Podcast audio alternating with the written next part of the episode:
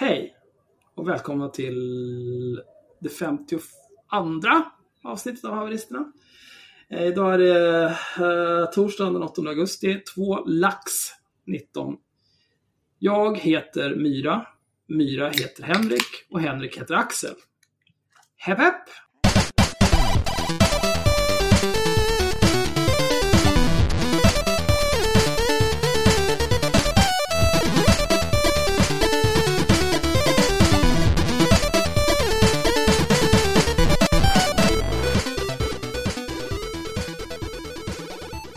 Mår ni? Bra. Ja. Jag eh, är sjukskriven och har all tid i världen att hålla på med sånt här småaktigt trams, så att det är ju bra. Gud vad härligt. Jag är på extremt gott humör idag. Ehm, dels eh, har jag nyligen hittat en, inte en ny lunchrestaurang, men en lunchrestaurang jag inte har varit på i närheten av jobbet förut. Mhm. Eh, det är en kinesisk lunchrestaurang. Eh, jag var där för två eller tre veckor sedan första gången. Jag är redan, redan ägarens favorit. Hon är mycket road över att mitt namn betyder att Axel är en kroppsdel. Det tycker hon är kul. Eh, hon blir mycket nöjd över att jag tar extra starkt sitfläsk. Maus favorit. Och så Mhm. kommer hon ut och skrattar åt mig när jag sitter och svettas ansiktet av mig. Sen är jag också mycket nöjd för att jag eh, efter tips från en av våra lyssnare började lyssna på en podd idag. Eh, som heter Daddy Issues. Med två tjejer som heter Julia och Julia. Eh, och de startade för ett halvår sedan. Jag läste, i, dels, dels har de blivit recenserade av Aftonbladet Poddpatrullen. Något som vi inte har blivit. Men det är med ju det. för att men det är ju för att Julia Frändelöv är så här supermediaprofil. Eh, och men- typ dejtat Olle Palmlöv och varit, jobbat på film med Filip och Fredrik och liksom. Eh, alltså nu, nu kommer jag bara på det här därför att jag var inne på Flashback precis och försökte och hittade massa konstigt skvaller. Därav, Wow. därav Olle Palmlövs skvaller. hon. Hon heter Ja. Friendforce Hon är på tydligen- Instagram. Hon har tydligen även åkt dit för att köpa ladd, vilket jag tyckte var roligt. Så att Flashback, Flashback är eh, som vanligt, kommer med all den viktiga infon. Men det är, inte därför en hon mycket är... bra podd i alla fall. Ja, Alltså Ja, jag, är jag, jag ser en själsfrände i dem båda. mm. Eh, om du hade varit, om du hade varit inte 40 plus och kvinna. Ja, om jag istället hade varit typ 31. Eh, ångest, ja, ångestdriven är jag ju redan i och för sig. Eh, 31 kvinna. Jobbar i någon typ av media och stressad liksom. Fast Mm. ändå resten av det är jag. Ungefär så eh, har jag uppfattat eh, Julia Friendforce. Efter att ha Mm. lyssnat på fyra avsnitt idag. Hon har varit redaktör på Nöjesguiden också. Eh, och sen har hon varit typ Ja. klubbchef och eventchef och sånt där. Eh, och sen så har hon någon mammablogg eller något. En shotcaller helt enkelt. Ja, precis. Så det kan ju vara därför Ja, hon det förklarar recenserar hel i. Aftonbladet. Mm. Ja. Men då vill jag säga Vi så här är ju Julia. nobodies. Ja, men Julia, om någon av era lyssnare golar till er om att vi pratar om er, så som våra lyssnare golar till oss när andra poddar pratar om oss. Hjälp oss att hjälpa er. Together to the top. Lös det starta här en nu. poddbeef eller? Nej, men inte, jag, jag tycker vi ska hjälpas åt. Men poddbeefs, har vi inte tillräckligt många sådana? Jo, jag orkar inte. Vi skulle kunna ha någon sorts eh, ohelig allians för en gångs skull. Det vore ju coolt. Ja, det är superbra. Vi hade ju, en- vi hade ju en sån Maronflam en liten stund. Ja, Eh, tills han, tills han tills blev han galen. på oss. Ja, men det var ju bara för att vi sa till honom att han var galen. Var det det verkligen? Ja, det kanske var. Ja, jag är ganska säker på att det här, det här sammanföll med hans descent into madness faktiskt. Ja, det var någonstans där han blev helt retarded. Mm. Både han och Alexander Bard var ju så nöjda när vi släppte första avsnittet och hjälpte till och delade på Twitter och Ja. hade sig. Alltså, Alexander Precis. Bard var väl karaktäristiskt entusiastisk som han är inför allt han gör. Medan Aron Flam var karaktäristiskt nedstämd. Som han är i allt han Ja. gör. Men ja, det är min dag. Och sen när jag kom hem från jobbet och eh, kunde använda mer än bara mina öron till att göra annat än att jobba. Då har jag eh, Dels har jag läst igenom eh, en liten Twitter-tråd som Henrik skrev på för ett tag sedan där Jonas, betedde sig, Jonas Hållén betedde sig illa. Mm. Sen har jag Din eh, kompis. min nya kompis som var lunchade med här för ett tag sedan. Eh, det kan ju vara, eh, ja, jag kan ta det sen. Men ja, eh, sen har jag läst igenom två trådar som han har skrivit om mig. Och sen har jag lyssnat igenom ett ett och ett halvt långt, en, en timme och en kvart långt samtal med honom igen.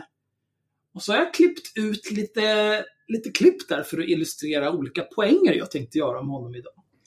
Eh, Ja. Man kan säga att kontentan är att han är en hycklande liten horunge som ljuger rätt mycket. Ja, det är väl Eh, standard med de som vi har olika beefs med ofta.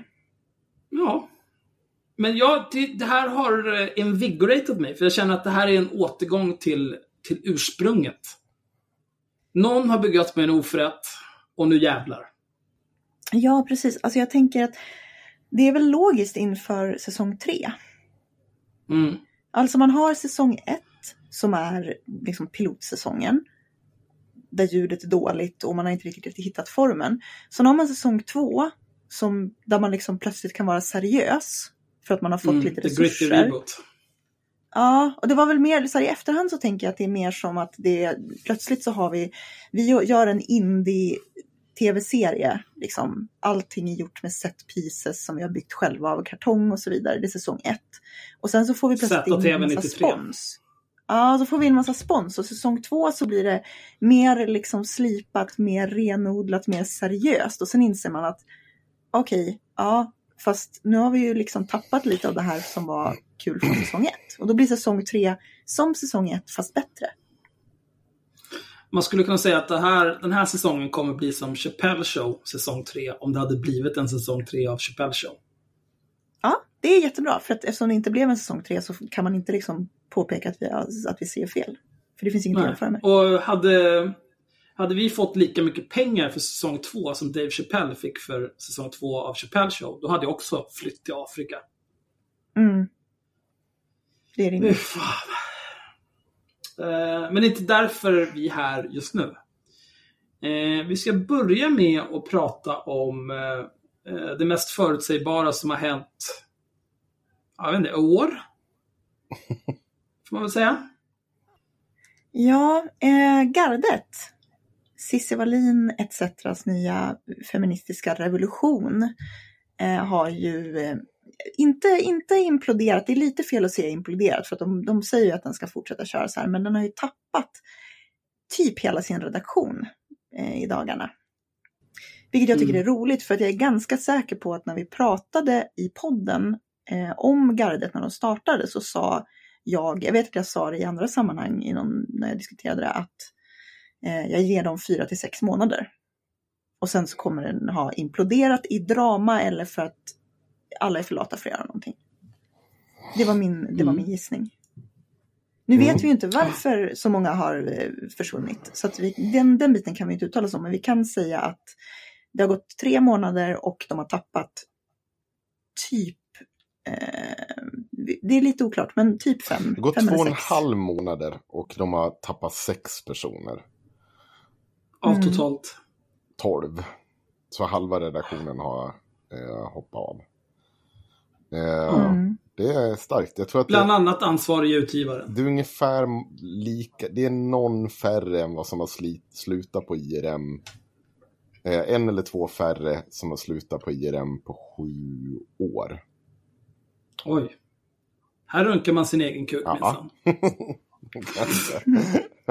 Och det, det är inte utan att det har varit drama på IRM när man har slutat så. Men jag har nog, det är sällan jag har hört ett sånt stort avhopp i ett och samma sjok. Sist var väl Temper Mag, eh, min Mm. gamla kollegas utbrytar. Ja, nu ska jag inte säga så för det var någonting helt annat. Eh, Men det när här, det här är väl historien om eh, Annie va? Ja, För jag tror du har dragit den i något avsnitt. Om vi kommer ihåg vilket skulle vi kunna hänvisa till det. Men ja, Ja, hur som helst. Tempemag var en blogg som startades med ungefär lika mycket folk kanske till och med någon mer än vad som gardet började med. Eh, och försvann inom loppet av ett halvår typ. Mm. Eh, Amra som är med på gardet, eller var med på gardet, var med där också. Tror det var någon till också som även var med på gardet som var med på ett MP-mag. Men det ska jag låta vara osagt. Jag får lite grann intrycket av att det här är liksom eh, någon slags vänsterhemmafru-version av styrelseproffs. Bara det att ingen tjänar några pengar och alla är odugliga. liksom, när du är styrelseproffs, då är du bara med i en styrelse, det dyker upp på en år, årsstämma och så drar du in din deg. Liksom. Allting bara rullar. Ja. Men, eh, men här är det liksom, ingenting verkar ju funka. ja. Det vi, det vi kan kolla nu om man, om man tittar på deras hemsida nu på medarbetare ehm, så har du då alltså eh, du har eh, en, två, eh, Sex tre, fyra, fem, sex personer. Mm, Mm. Precis. Eh, jag tänkte bara håller på att stämma av den mot den här listan. Eh, för att de postade ju här i början ett antal personer som jag Mm. tror, vi kan ha gått igenom dem till och med i podden då. Eh, bland annat Amanda. Oxell som driver annonsrådet, hon in, verkar inte vara kvar längre. Eh, Hon är å andra sidan en dum kuk så att det är inte så konstigt. Ja, ja men alltså det, det var väl inte allihopa, nej det var orättvist. Eh, men eh, även Paula Dahlberg, vardagsrasismen, verkar ju också ha försvunnit. nej, hon är kvar. Jävlar i mig. Ska jag räkna upp de som har Ehm, försvunnit? istället? Amra är borta. Ja, nej, men jag, jag har en lista uppe här, jag också. Jag försöker bara stämma av den för att jag hade glömt bort vem den här personen var. Men de har också tappat Filippa, Hanna eh, och Elin Beijer, va?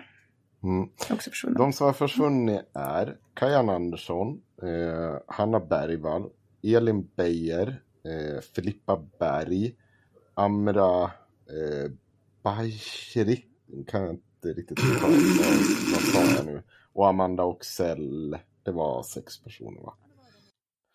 I alla fall, eh, det, man kan, det, det intressanta när man tittar på det här, det, det är att Filippa Berg, till exempel, hon finns inte ens med i Catch. Det finns ingen sida. Och jag kan inte minnas att jag ens har sett en enda bild eller liksom en, en artikel från henne. Men hon var med på alla de här uh, headliner-bilderna, allt som de tog inför. Då finns hon med överallt. Men när podden, sätt, eller sajten sätter igång, då verkar hon ha försvunnit i princip omedelbart. Hon kanske fick Ja. nog direkt. Ja, Hon la ju upp en bild här 10 mars på jättemånga kvinnor och skriver så stolt över att vara en del av det här Mm. gänget. Vi ska förändra världen. Mer info kommer. Där är ju även Lady Damer med för övrigt på den bilden. Och eh, Karin Åström. Mm, Nej, men det, verkar, det var väl någon slags release när man började prata om det tror jag. Mm, precis. Men sen så, men den här, den här kvinnan då är ju, eh, den här Filippa Berg är ju hon som outade sin före detta chef på, eh, på Aftonbladet under metoo. Mm. Hon hade ju dejtat chefredaktören för typ Likat, eller om det var hon som var chefredaktör för Likat, jag kommer inte ihåg, någon var det. Hon blev det sen. Hon hade jobbat, hon jobbade under en redaktör på Aftonbladet, de dejtade, han verkar vara ett jävla kontrollerande svin. Eh, hon fick jobb som chefredaktör för Ja! Likat, sen så outade hon honom som ett svin som hade kontrollerat och sådär eh, jävlats Mm. med henne. Var, var det inte hon som skrev en Och lång hon text hade fick sparken, tror jag. Ja, hon la även upp, det var ganska nyligen hon la upp bilder på sin egen Instagram från det där. När han hade sett och skrivit om att hon inte, eh, att hon la, hade visat bilder på sina bröst Mm. hela tiden. Oj. Mm. Psykfall. Men ska vi bara gå igenom lite hård fakta om vad som har hänt, vad vi vet och sen kan vi spekulera lite. Vi, vi kan konstatera att sex av tolv personer har ehm, eh, hoppat av det här. Det här skulle vara en feministisk revolution, det skulle vara granskning blandat med opinionsbildning, man skulle ha ansvarig utgivare. Nu när Kajan drar så har man ju tappat sin opinionsbild, eller sin ansvariga utgivare, så men vi ska återkomma till det. Eh, hur som haver. Eh, du visade ju, du hade ju läst den när Cissi Wallin satt och försökte köra damage control i under på bloggbevakning.se, då, för de var väl först med att, eller Mm. hon var först med att breaka nyheten om att Kajan hoppade av. Och då satt Sissi där och skrev Ja. att, Ska jag ta upp och läsa? ja, För att, eh, ja, det var bloggbevakning. Jag såg det, jag fick tips om det tidigare, eh, men bloggbevakning eh, var den första som skrev om det. Då blev det ett väldigt intressant kommentarsfält där, där man började prata om, ja, typ spekulera och prata. Och Cissi Wallin kommer in där, precis som du sa, och vill liksom göra lite damage control. Ehm, och det gick inte så jättebra. Hon är inte superbra på, på att damage controlla skulle jag vilja påstå.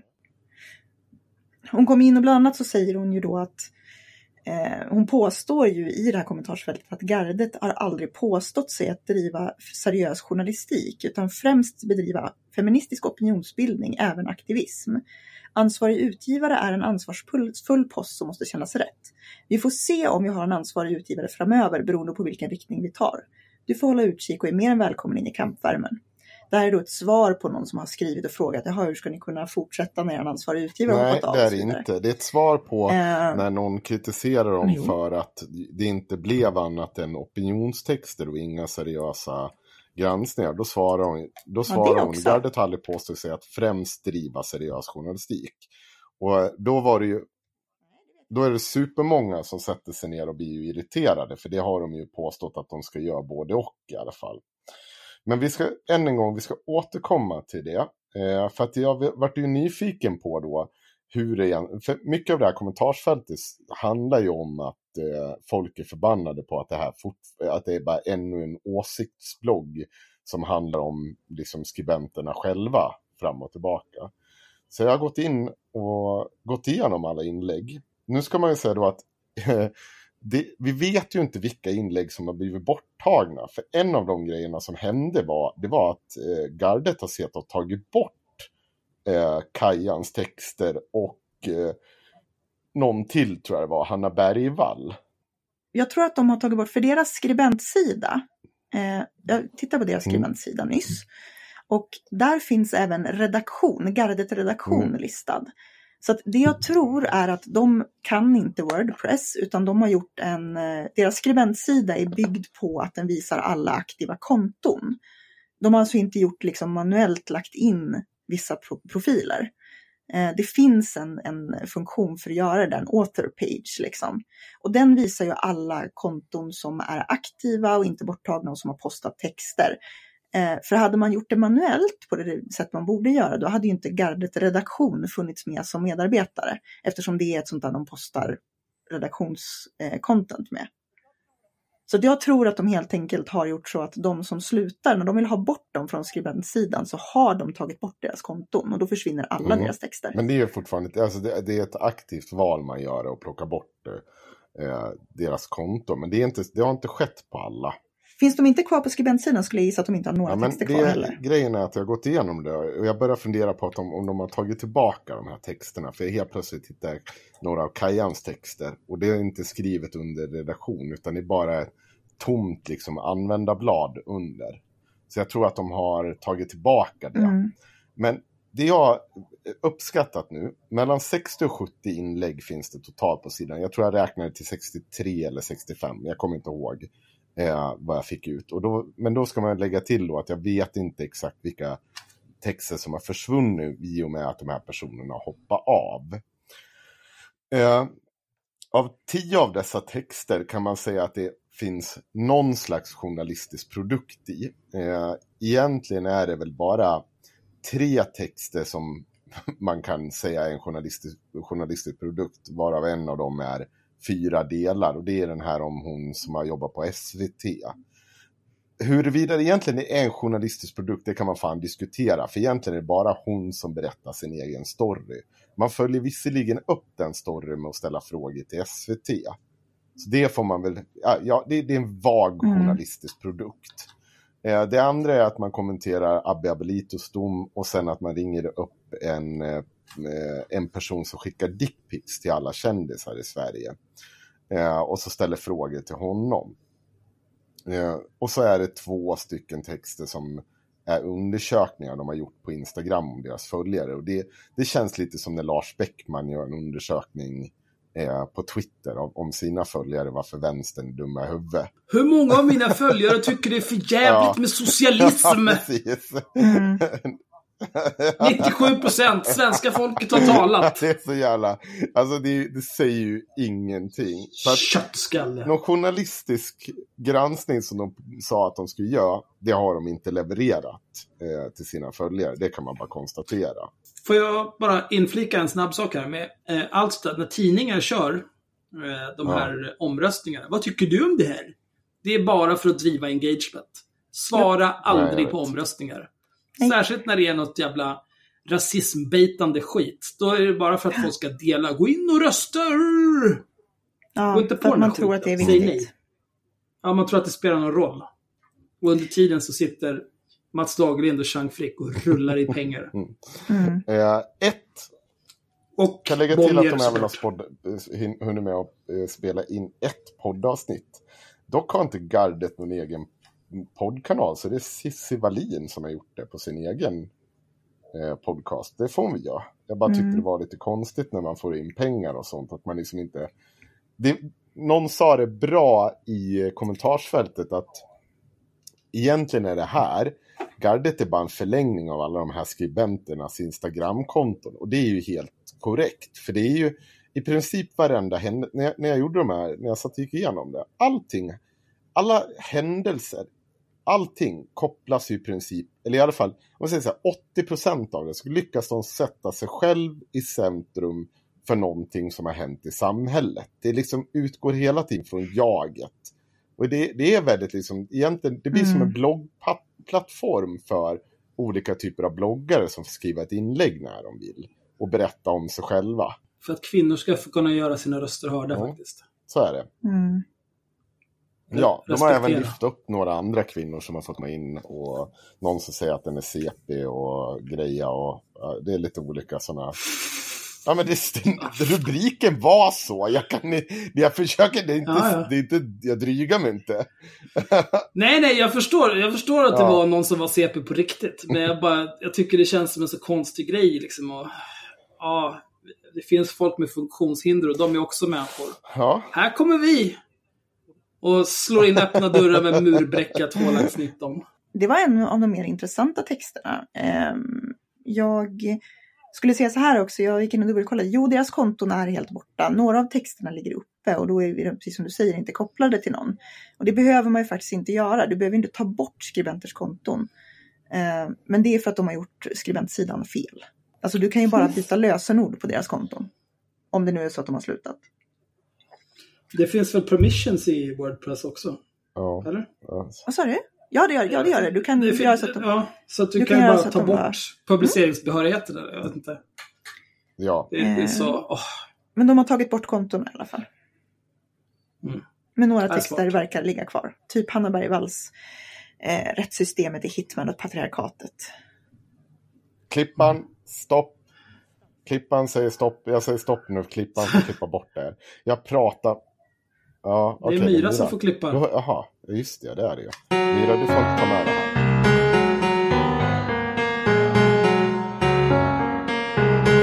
We will have no choice but to totally destroy North Korea. Rocket Man is on a suicide mission for himself and for his regime. And I love all people rich or poor. But in those particular positions, I just don't want a poor person. Does that make sense? Does that make sense? We will have no choice but to totally destroy North Korea. Jag, jag, tänkte, jag kan säga så här. Nu kör vi.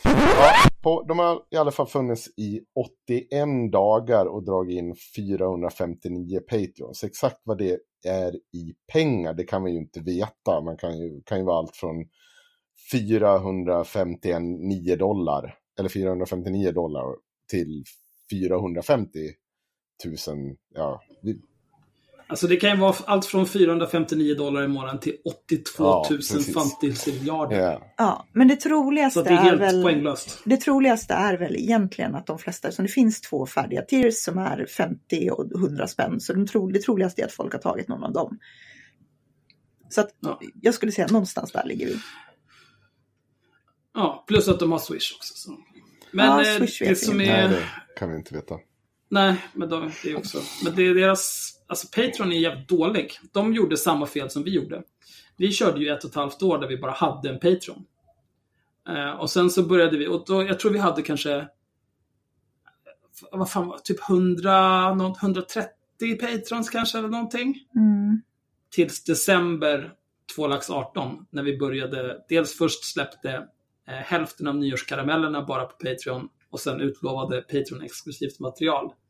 Eh, av vilket vi har släppt 10 stycken sedan dess. Thank you very much. Varför är du inte Patreon? Snålkuk. Ja. Men eh, de här på gardet så de erbjuder ingenting. Utan de presenterar sina tiers 5 dollar i månaden istället för en dyr latte. Eh, 10 dollar i månaden istället för två billiga öl. Och man får inte ett skit. Och de har inte postat någonting heller. Överhuvudtaget. På Patreon. För även om de postar bara för Patreon så ser man en preview på Mm. posten och så ser man this is available to patrons only, bla bla bla. För att de ska locka folk. Men de har inte postat ett skit på Patreon. Mm. Jag kan tycka särskilt Cissi Wallin, med tanke på att hon tillsammans med Lady Damer hade en Patreon för eh, Pentricket, podden de gjorde tillsammans förut, borde veta om det här. För där har de två stycken tiers. Och där erbjuder de extra grejer som, eh, precis som vi gör, bonusavsnitt och så vidare. Så hon borde veta att man kan dra in folk på det. Mm. Och att folk kan tänka sig att betala om de får någonting för det. Men det verkar de ha skitit i. Pentricket har för övrigt 502 patrons.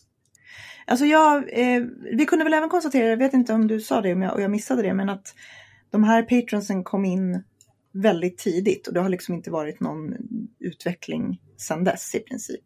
Nu har det bara gått några månader så det är jättesvårt, Nej. men alltså att de kom in där i, precis i början. Ja. Mm. Det är alltså en, en kraftig tillströmning när man precis börjar med någonting. Det är ju helt rimligt att förvänta sig. Mm. Men sen så måste man ju arbeta långsiktigt och erbjuda någonting och faktiskt leverera det man har sagt sig eh, sikta på att leverera för att folk ska orka engagera sig. Annars Ja, och det, känner det, det lurade. säger jag nu att det, om, nu, jag kan ju, alltså de som, jag kan ju inte tala för dem, jag, jag, jag kan bara konstatera själv att om jag, liksom, om man går ut med att det är en feministisk revolution, vi ska syssla med feministisk opinionsbildning och vi ska göra dittan och dattan, eh, och får liksom eh, egentligen en huvudsak nya åsikts eh, eh, texter som vi har hört 57 gånger tidigare. Och sorry, det mesta har hörts tidigare inom den feministiska diskussionen och det är inte särskilt mycket som är nytt där. Eh, det är liksom, Alltså framförallt, framförallt så kändes den i, tanken jag fick eh, när de startade igång.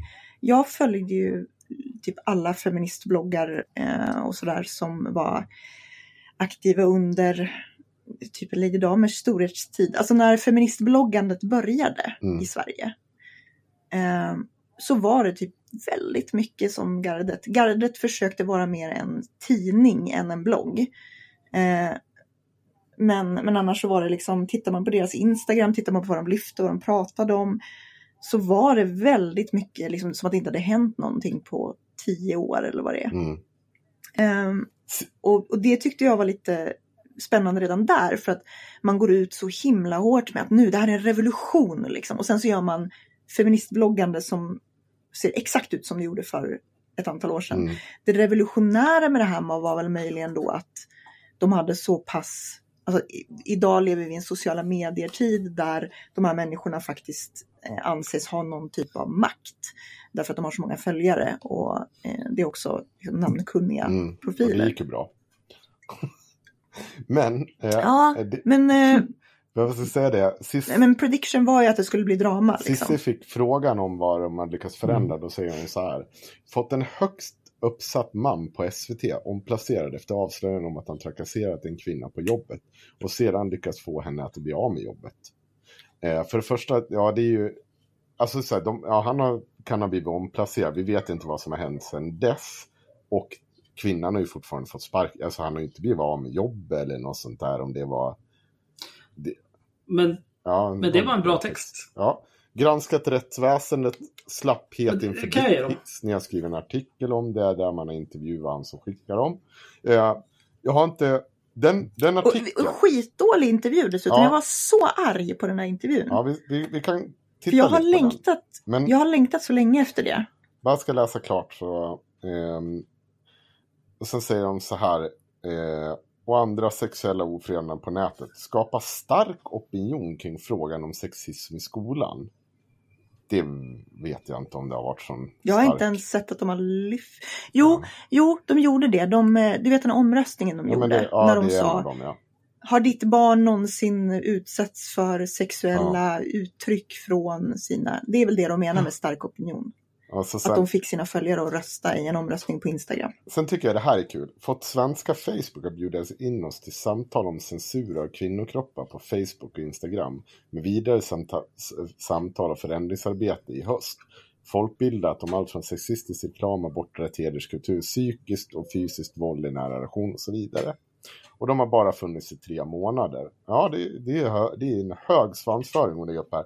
Men som jag såg det så var det väl så att de blev inbjudna till Facebook för att efter att eh, Cissi Wallin hängt ut den här killen och de skulle då börja ta tag i hur Facebook agerade. Jag, jag, jag har för mig att det skedde Mm. sen, men det, det är fortfarande ingenting som har kommit i text. Det är ju liksom ingenting som Nej, men de händer. har skrivit om det på Instagram. Nej, men, eh, och, Nej. och det är ingenting som har hänt. Nej, det har inte hänt ett Att skit få ett möte med någon är inte en vinst i sig. Nej. Nej, men alltså om, om, eh, om gardet känner så här, ja, nu har vi en ny sajt här. Nu ska vi Mm. minst sätta folk på plats till höger och vänster. Och så sitter de och hetsar mot Facebook eh, och Instagram som Mm. Facebook äger. Eh, och så så här, ja, vi ska ju kräva förändring, vi kräver med blä, blä, blä. Så här. Ja, men visst, kom på ett Mm. möte. Visst, så- inga problem. Ja. Kom, här, vill du ha kaffe? Lite vatten? Jag kör fikabröd här, vad gott. Ja, ja, Mm. men mal på du en timme här nu så går jag till nästa möte. Sen kan du dra åt helvete. Tror du att ett amerikanskt bolag värt så jävla mycket pengar som Facebook bryr sig ett piss om vad någon med 30 000 följare på Instagram tycker? Mm. Dra åt helvete alltså. Du drar inte ens in 50 spänn Och i månaden hon. Och då har vi bara funnits i tre månader och håller fortfarande på att söka olika bidrag för att kunna lägga ännu mer tid och kraft, säger hon. Eh, Mm. Det skulle ju vara intressant att veta vad det är för bidrag de söker. För jag vill inte betala för det här. nej, inte... Vill jag det hade Ja. jag varit Patreon. jag känner inte heller riktigt att just nu att jag tycker det, men ja, jag, jag är ju ganska... Som sosse är ju ganska neutral till skattepengar och att även idioter ska... Ja, det är klart du är det. Neutralt till skattepengar. Det var det sjukaste jag har hört. Jag menar hur vi fördelar våra skattepengar. Så att... Ja, ja, det, ja. Mm, visst. Ditt jävla as. ja. Nej, men det är bra. Det är, det är lugnt. Jag betalar gärna. Det är Ja, inga problem. vi- Om vi, vi, vi släpper den ideologiska diskursen i det här. Eh, Jag är inte heller sugen på att Ja. betala för det här. När jag tar ut 30 000 i lön, Henrik, vet du vad det kostar mig? Kostar 57 000. Din Olle, ta och lugna ner dig nu. Nej, men det är bra. Eh, hon, då, nu ska de alltså söka bidrag för det här. Det, men jag tycker också det, det, det omfamnar hela grejen var att det måste finnas pengar för att vi ska göra någonting. Och det där är Mm. ju bullshit. De var 12 personer när de startade. Nu är de sex. IRM var tre personer när vi startade. startade. Idag är vi sex eller sju, tror jag, någonting sånt där. Och vi har gått i olika storlekar under åren som har varit, beroende på vad vi behövt, behövt göra. Men under fyra, fem års tid drog vi inte in en krona och vi kunde lösa det här ändå. Jag menar, de flesta av de här människorna har ju någon jobb eller sysselsättning vid sidan av. Alltså, du kan ju inte gå in med inställning, om, om du ska göra en feministisk revolution, du kan inte gå in med att nu ska jag bli, liksom, jag är inte miljonär på kuppen, nu ska jag leva på den här feministiska revolutionen. Utan du måste ju gå in med ett brinnande intresse för det och strunta i pengarna så långt det går. Men, men, men att det här skulle vara ideellt Ja. på något sätt, det har ju aldrig varit tanken. Nej. Nej, Och då är det väl Jag kanske dumt att starta med 12 personer om man tror att eh, man ska... Alltså jag tror inte, jag, jag kan tänka mig att det här är lite så Daniel Lampinen-esk. Ja, Jag vill att min arbetstid ska vara mer lik min Ja. fritid. Jag vill bara sitta och vara efterbliven på Instagram dagarna i ända. Nu har jag en Wordpress-sida där jag kan sitta och vara precis. Så här efterbliven. vore det intressant i och med att det här, eh, alltså jag vet inte hur stor del av vad det var att starta upp där, hur stor del av det som var Cissi Wallins eh, påhitt. Men hon var ju väldigt, hon var ju med liksom och blev intervjuad om det här projektet. Så jag misstänker att hon var liksom den som tog initiativet. Ehm, och det är inte första gången som Sissi startar ett projekt och det ska vara revolutionerande och det ska vara allt vad det är. Och sen så blir det liksom bara ingenting av det. För hon har ju haft eh, ett antal grejer som hon har varit inblandad i. Eh, Hon blev ifrågasatt om en av dem, det som hon kallade för grupp 9, som var senaste grejen hon skulle göra innan gardet, också i det här kommentarsfältet Mm. på bloggbevakning. Där, man, där de frågar liksom, ja men vad hände med det här? Och hon säger, ja vi jobbar i det fördolda, allt du gör behöver inte synas och höras, vilket är jättekul. För att är det någonting Cissi. Wallin gör så är det väl liksom att göra en Insta-story så fort hon typ släpper sig. Det är helt orimligt Alltså hon skulle inte kunna jobba som Nej, lönnmördare. alltså det är orimligt att tänka sig att Sissi skulle sitta och vara strängt upptagen med så här superviktigt feministiskt arbete med grupp 9 och inte säga ett ord om det. Det finns ju inte, det händer ju inte liksom. Nej. Det är också intressant att jag tror gardet är nog okänt eh, när det kommer till högerspöken och sådana. Så att all den här kritiken på bloggbevakning, det kommer ju från folk som i princip är gardets Ah, ja. målgrupp. Det är ju bara, Ja, alltså det är ju väldigt, bloggbevakning är ju väldigt mycket så här skvallersajt liksom. Folk sitter och, och det är bara, det är typ bara kvinnor, säger jag fördomsfullt. Men det är ju olika bloggprofiler, det är mest Mm. kvinnor som är intresserade av vad de håller på med. Jag, jag skulle aldrig få för mig att skriva jag läste kommentaren kommentar där- under namnet Ahmed där. Nej, det skulle du inte göra va? När jag läste kommentarer, jag skummade bara, jag orkade inte läsa allting. Men då fick jag intrycket av att det var många som liksom... Eh, det är som de kommentarer man har fått så här efter det här jävla avsnittet Mm. med Luai Ahmed. Alltså folk känner sig personligt Mm. kränkta Ja. av det här. Och de är liksom arga och känner sig svikna. Mm. Eh, och det tycker jag är extremt Jag konstigt tänker att, beteende. att ehm, det vore intressant att liksom titta på kanske lite grann de andra projekten Cissi har startat de senaste åren. Eh, om vi går tillbaka till 2014, då skulle hon ju starta en, eh, hon skulle starta en byrå eh, i New York. Det här kommer jag faktiskt ihåg. Och då skulle hon liksom ha kvinnofokus och man skulle göra helhetspaket med branding, nätverkande PR och sociala medier och sånt där. Det här var, rapporterades 2014. Vad jag vet så har det inte hänt någonting med det här. Jag har inte gjort världens djupaste research, men googlar man på det så det enda man får upp är när de går ut och säger att hon ska bilda den här eller hon har startat den här nu. Eh, och så den, det var, det var april 2014. Den verkar ju inte ha hänt någonting med. Och det är väl som sagt en av de grejerna jag kommer ihåg att det var en så här stor grej att hon skulle göra. Rapporterades i mainstream media allt vad det är. Eh, Ja, alltså det finns ett Instagramkonto också. Mm, Den sista precis. bilden där läggs upp eh, eh, 2015. 2017. Väldigt 2015 var det. Nej, 2017. 2017 läggs den upp. Och då Jag tror jag har- att de har... Jag har det framför mig nu. Jag, s- Mm. 2015 var senaste. Nej. 2017. 12 februari Jag håller den. 2015. Ja, okej. Jag håller Humble Style. Eller Humble... Oh, jag tror det står... eh, stay Hard. Eh, så är det de som har lagt upp repost fan? Amazing Sanna eh, Aronsson. Och det är... Men det är vad de är taggade Ja, i väl? Det är inte vad de har lagt upp själva. Ja, det, du har rätt. Jag kollade 2015. fel. Det var fel. Det var en kommentar från dem som var från 2017. Ah, okej. Mm. Ja, Eh, men du har rätt. Men kan det vara så att hon kände, nu ska jag starta PR-byrå. Och sen så förväntade hon sig att uppdragen skulle rasa in Ja. efter att hon kom Mm. ut med pressmeddelande. Och sen så kom det här det skulle inga. hon och göra så, någonting, hon ja, skulle göra något liknande även inte var så kul längre. 2012. Men det här kanske var det som blev det här sen då. För 2012 så skulle Ja. hon starta produktionsbolag som skulle föra fram kvinnor i mediebranschen. Eh, och sen så Mm. blev det då det här Pussy Power. Och sen så skulle hon starta någon sajt med Lulu Carter. Mm, för Också. att hjälpa sexuellt trakasserade. Ja, och det här var ju efter metoo. Och det här tyckte jag var en bra grej. Jag kommer ihåg att jag tweetade om det här och skrev det här är ju superbra liksom att eh, Sissi fokuserar på det här. Istället för att sitta liksom och älta Virtanen-grejen, vilket jag kände var så här inte så jävla konstruktivt kanske. Är det en Ehm, råtta jag hör piper i bakgrunden? Ja, de, de, alltså, jag har ju en omplaceringsråtta, eller alla är omplaceringsråttor. Mm.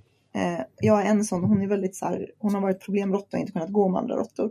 Och sen har jag socialiserat henne och nu, hon är jättekränkt av den här lilla, lilla, lilla pyttelilla bebisråttan som har kommit in. Så de sitter i varsin bur och hon håller på att hetsa på andra sidan gallret där. Det är fantastiskt roligt. Okej. Ja, Lulu Carter var det. Sen var det ju grupp 9. Eh, däremellan hann hon med att starta en stand-up-klubb med Clara Henry. Som Mm. skulle vara och revolutionera stand-upen och sånt. Det vart fyra kvällar tror jag. Totalt. Kontentan är av att ingenting av det här, vad jag vet, och det vi har missat lite i, det finns tidigare startups och hon har också varit engagerad i något som heter, eh, istället för Popkollo så var det Filmkollo. Eh, Mm. Som hon hade varit med och starta upp. Eh, och så lite annat eh, sånt. Det, det är ganska kul att sitta och googla Sissi startar. Sissi Berlin startar. Sissi startar, det skulle kunna vara ett eget eh, konto. Sissi startar ett Ja. Twitter. Men eh, jag tänkte på det här, Genomgående trenden är väl att de inte finns kvar i alla fall. ja de har runnit ut i sanden Mm. liksom. Eh, jag sitter faktiskt och tittar på min upprättelse för som sagt jag tyckte att det var en bra grej. Eh, och jag är inne och tittar på deras sajt nu och det står ju, det har inte hänt någonting på den på evigheter. Eh, men det är väldigt svårt där att se om det faktiskt händer någonting. För det enda som är är ju kontakta oss om du vill ha hjälp med något. Typ.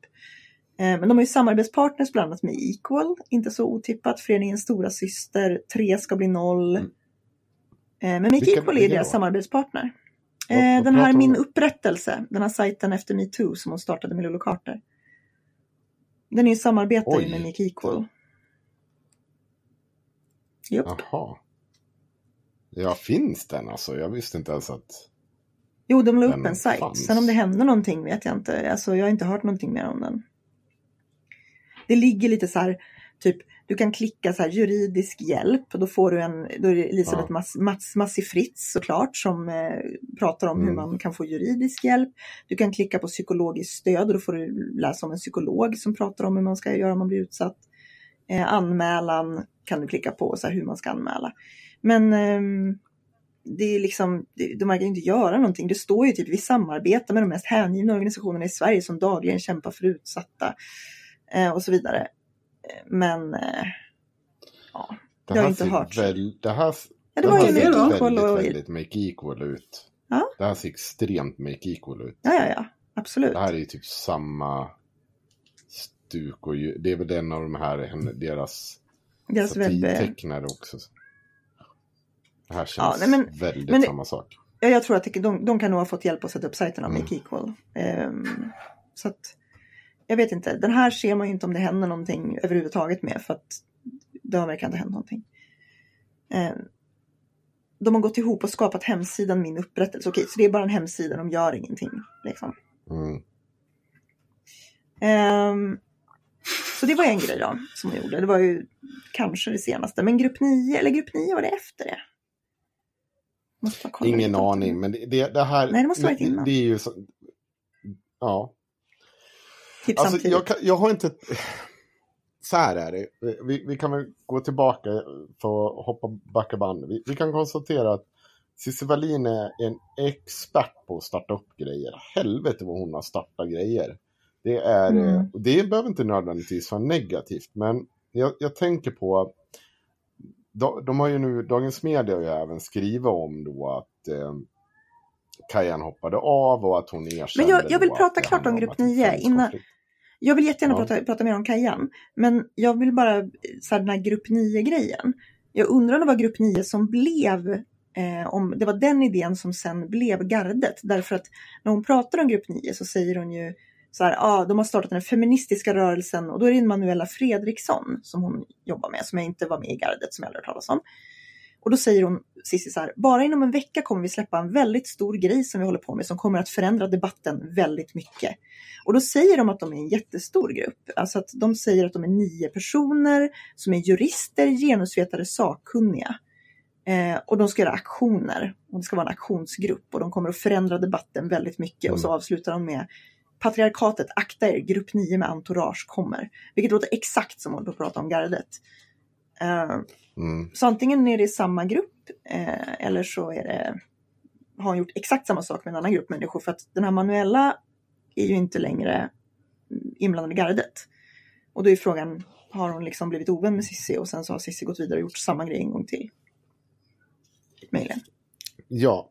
Eh, men vi kan gå tillbaka då och säga, för att Dagens Media skriver om eh, att eh, Kaja nu gått ut och sagt att det är klart att det har funnits en konflikt bakom. Annars skulle inte halva organisationen ha hoppat av. Jag Mm. tycker det är så underbart mejlsvar från eh, gardet när de svarar så här. Styrelsen har arbetat väldigt intensivt under en tid och det har varit krävande och utmanande. Med det sagt delar vi inte bilden om att det skulle ha varit en konflikt som pågått. Vi- önskar Karin allt gott och lycka till med sina kommande projekt, skriver de. Nej, nej. Nej, det, det har inte funnits någon konflikt. Halva organisationen har hoppat av, men det har inte funnits någon konflikt. Nu får ni väl ta och ge er. Ni låter ju som avpixlat för i helvete. Ja, Och det det blir inte jag här- första som säger det. Lisa Magnusson skrev Nej. en text om att de var, det var väl efter att de hade hängt ut eh, den här 16-åringen ja. Ja. Lilla kille vet jag inte. Det kunde han Ja. gott ha. Ja, nej, jag tycker inte man ska Ja, hänga det, ut det barn. tyckte ju alla. ja, hur som helst, det, det är fortfarande så jävla...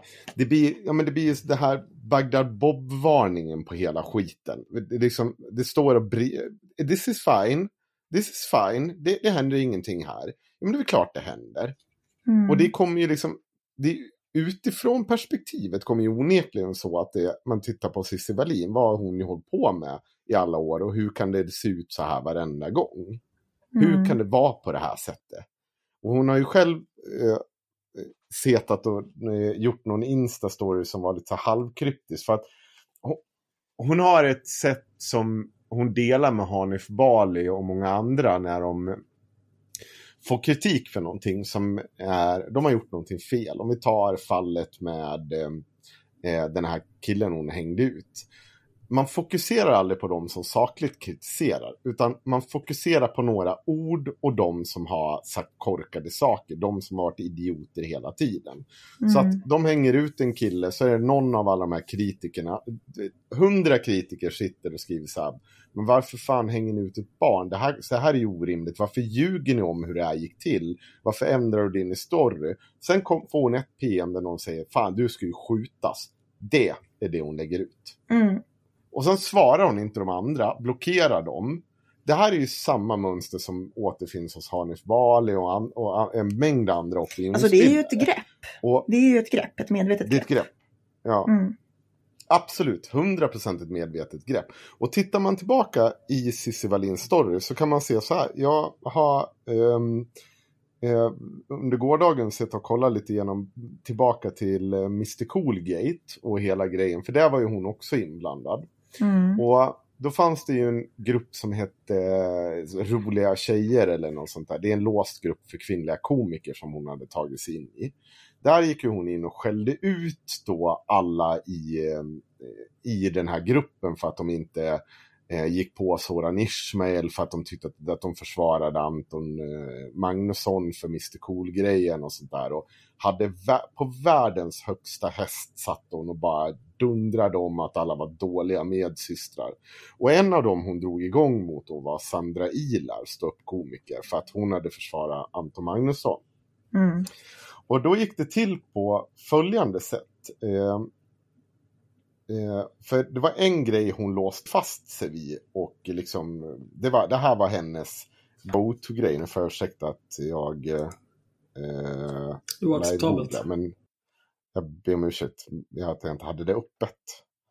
Här är det. För när det här grejen går, då säger Cissi Wallin, eh, hon skriver ju till Anton Magnusson så här.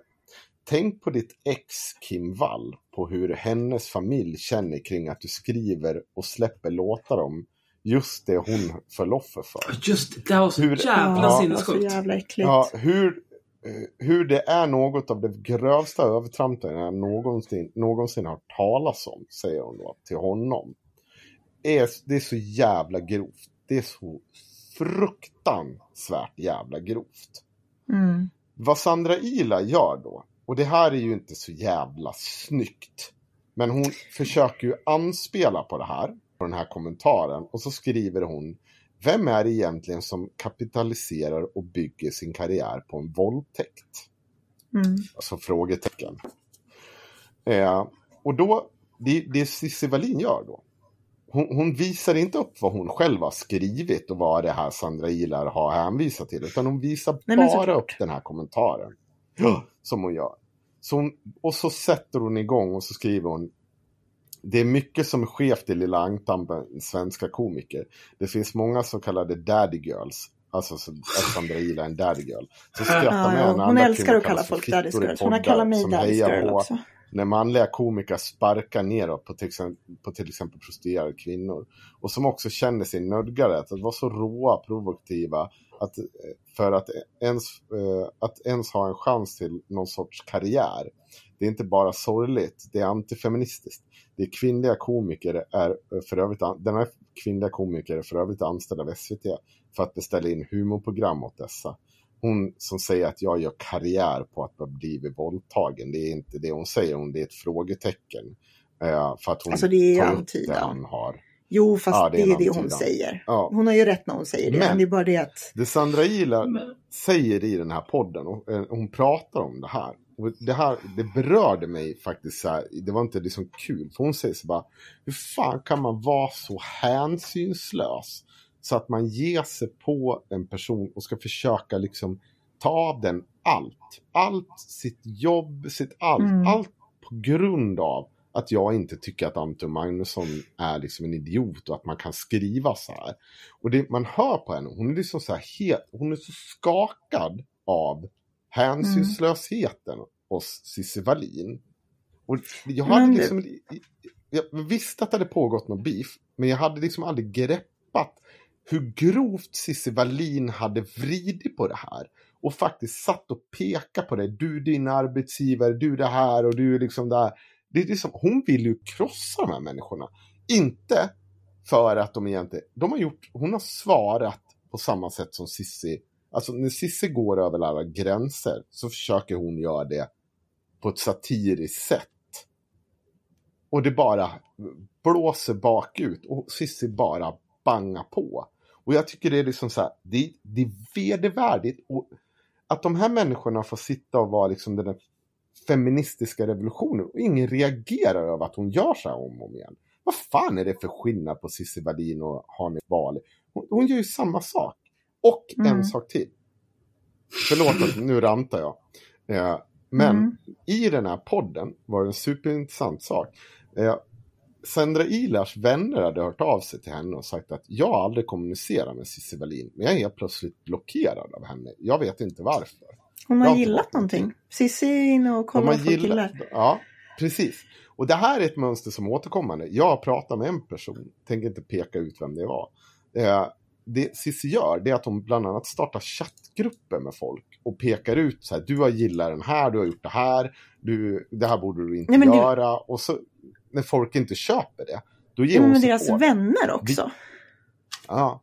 Jag tror att vi, ja, vi har pratat om det i podden också, när Cissi Wallin hänger ut en person. Eh, Som hon jobbar har... Som har li- likat Jaha, ett vi inlägg från någon person Ja. som eh, var kritisk till Cissi Wallin.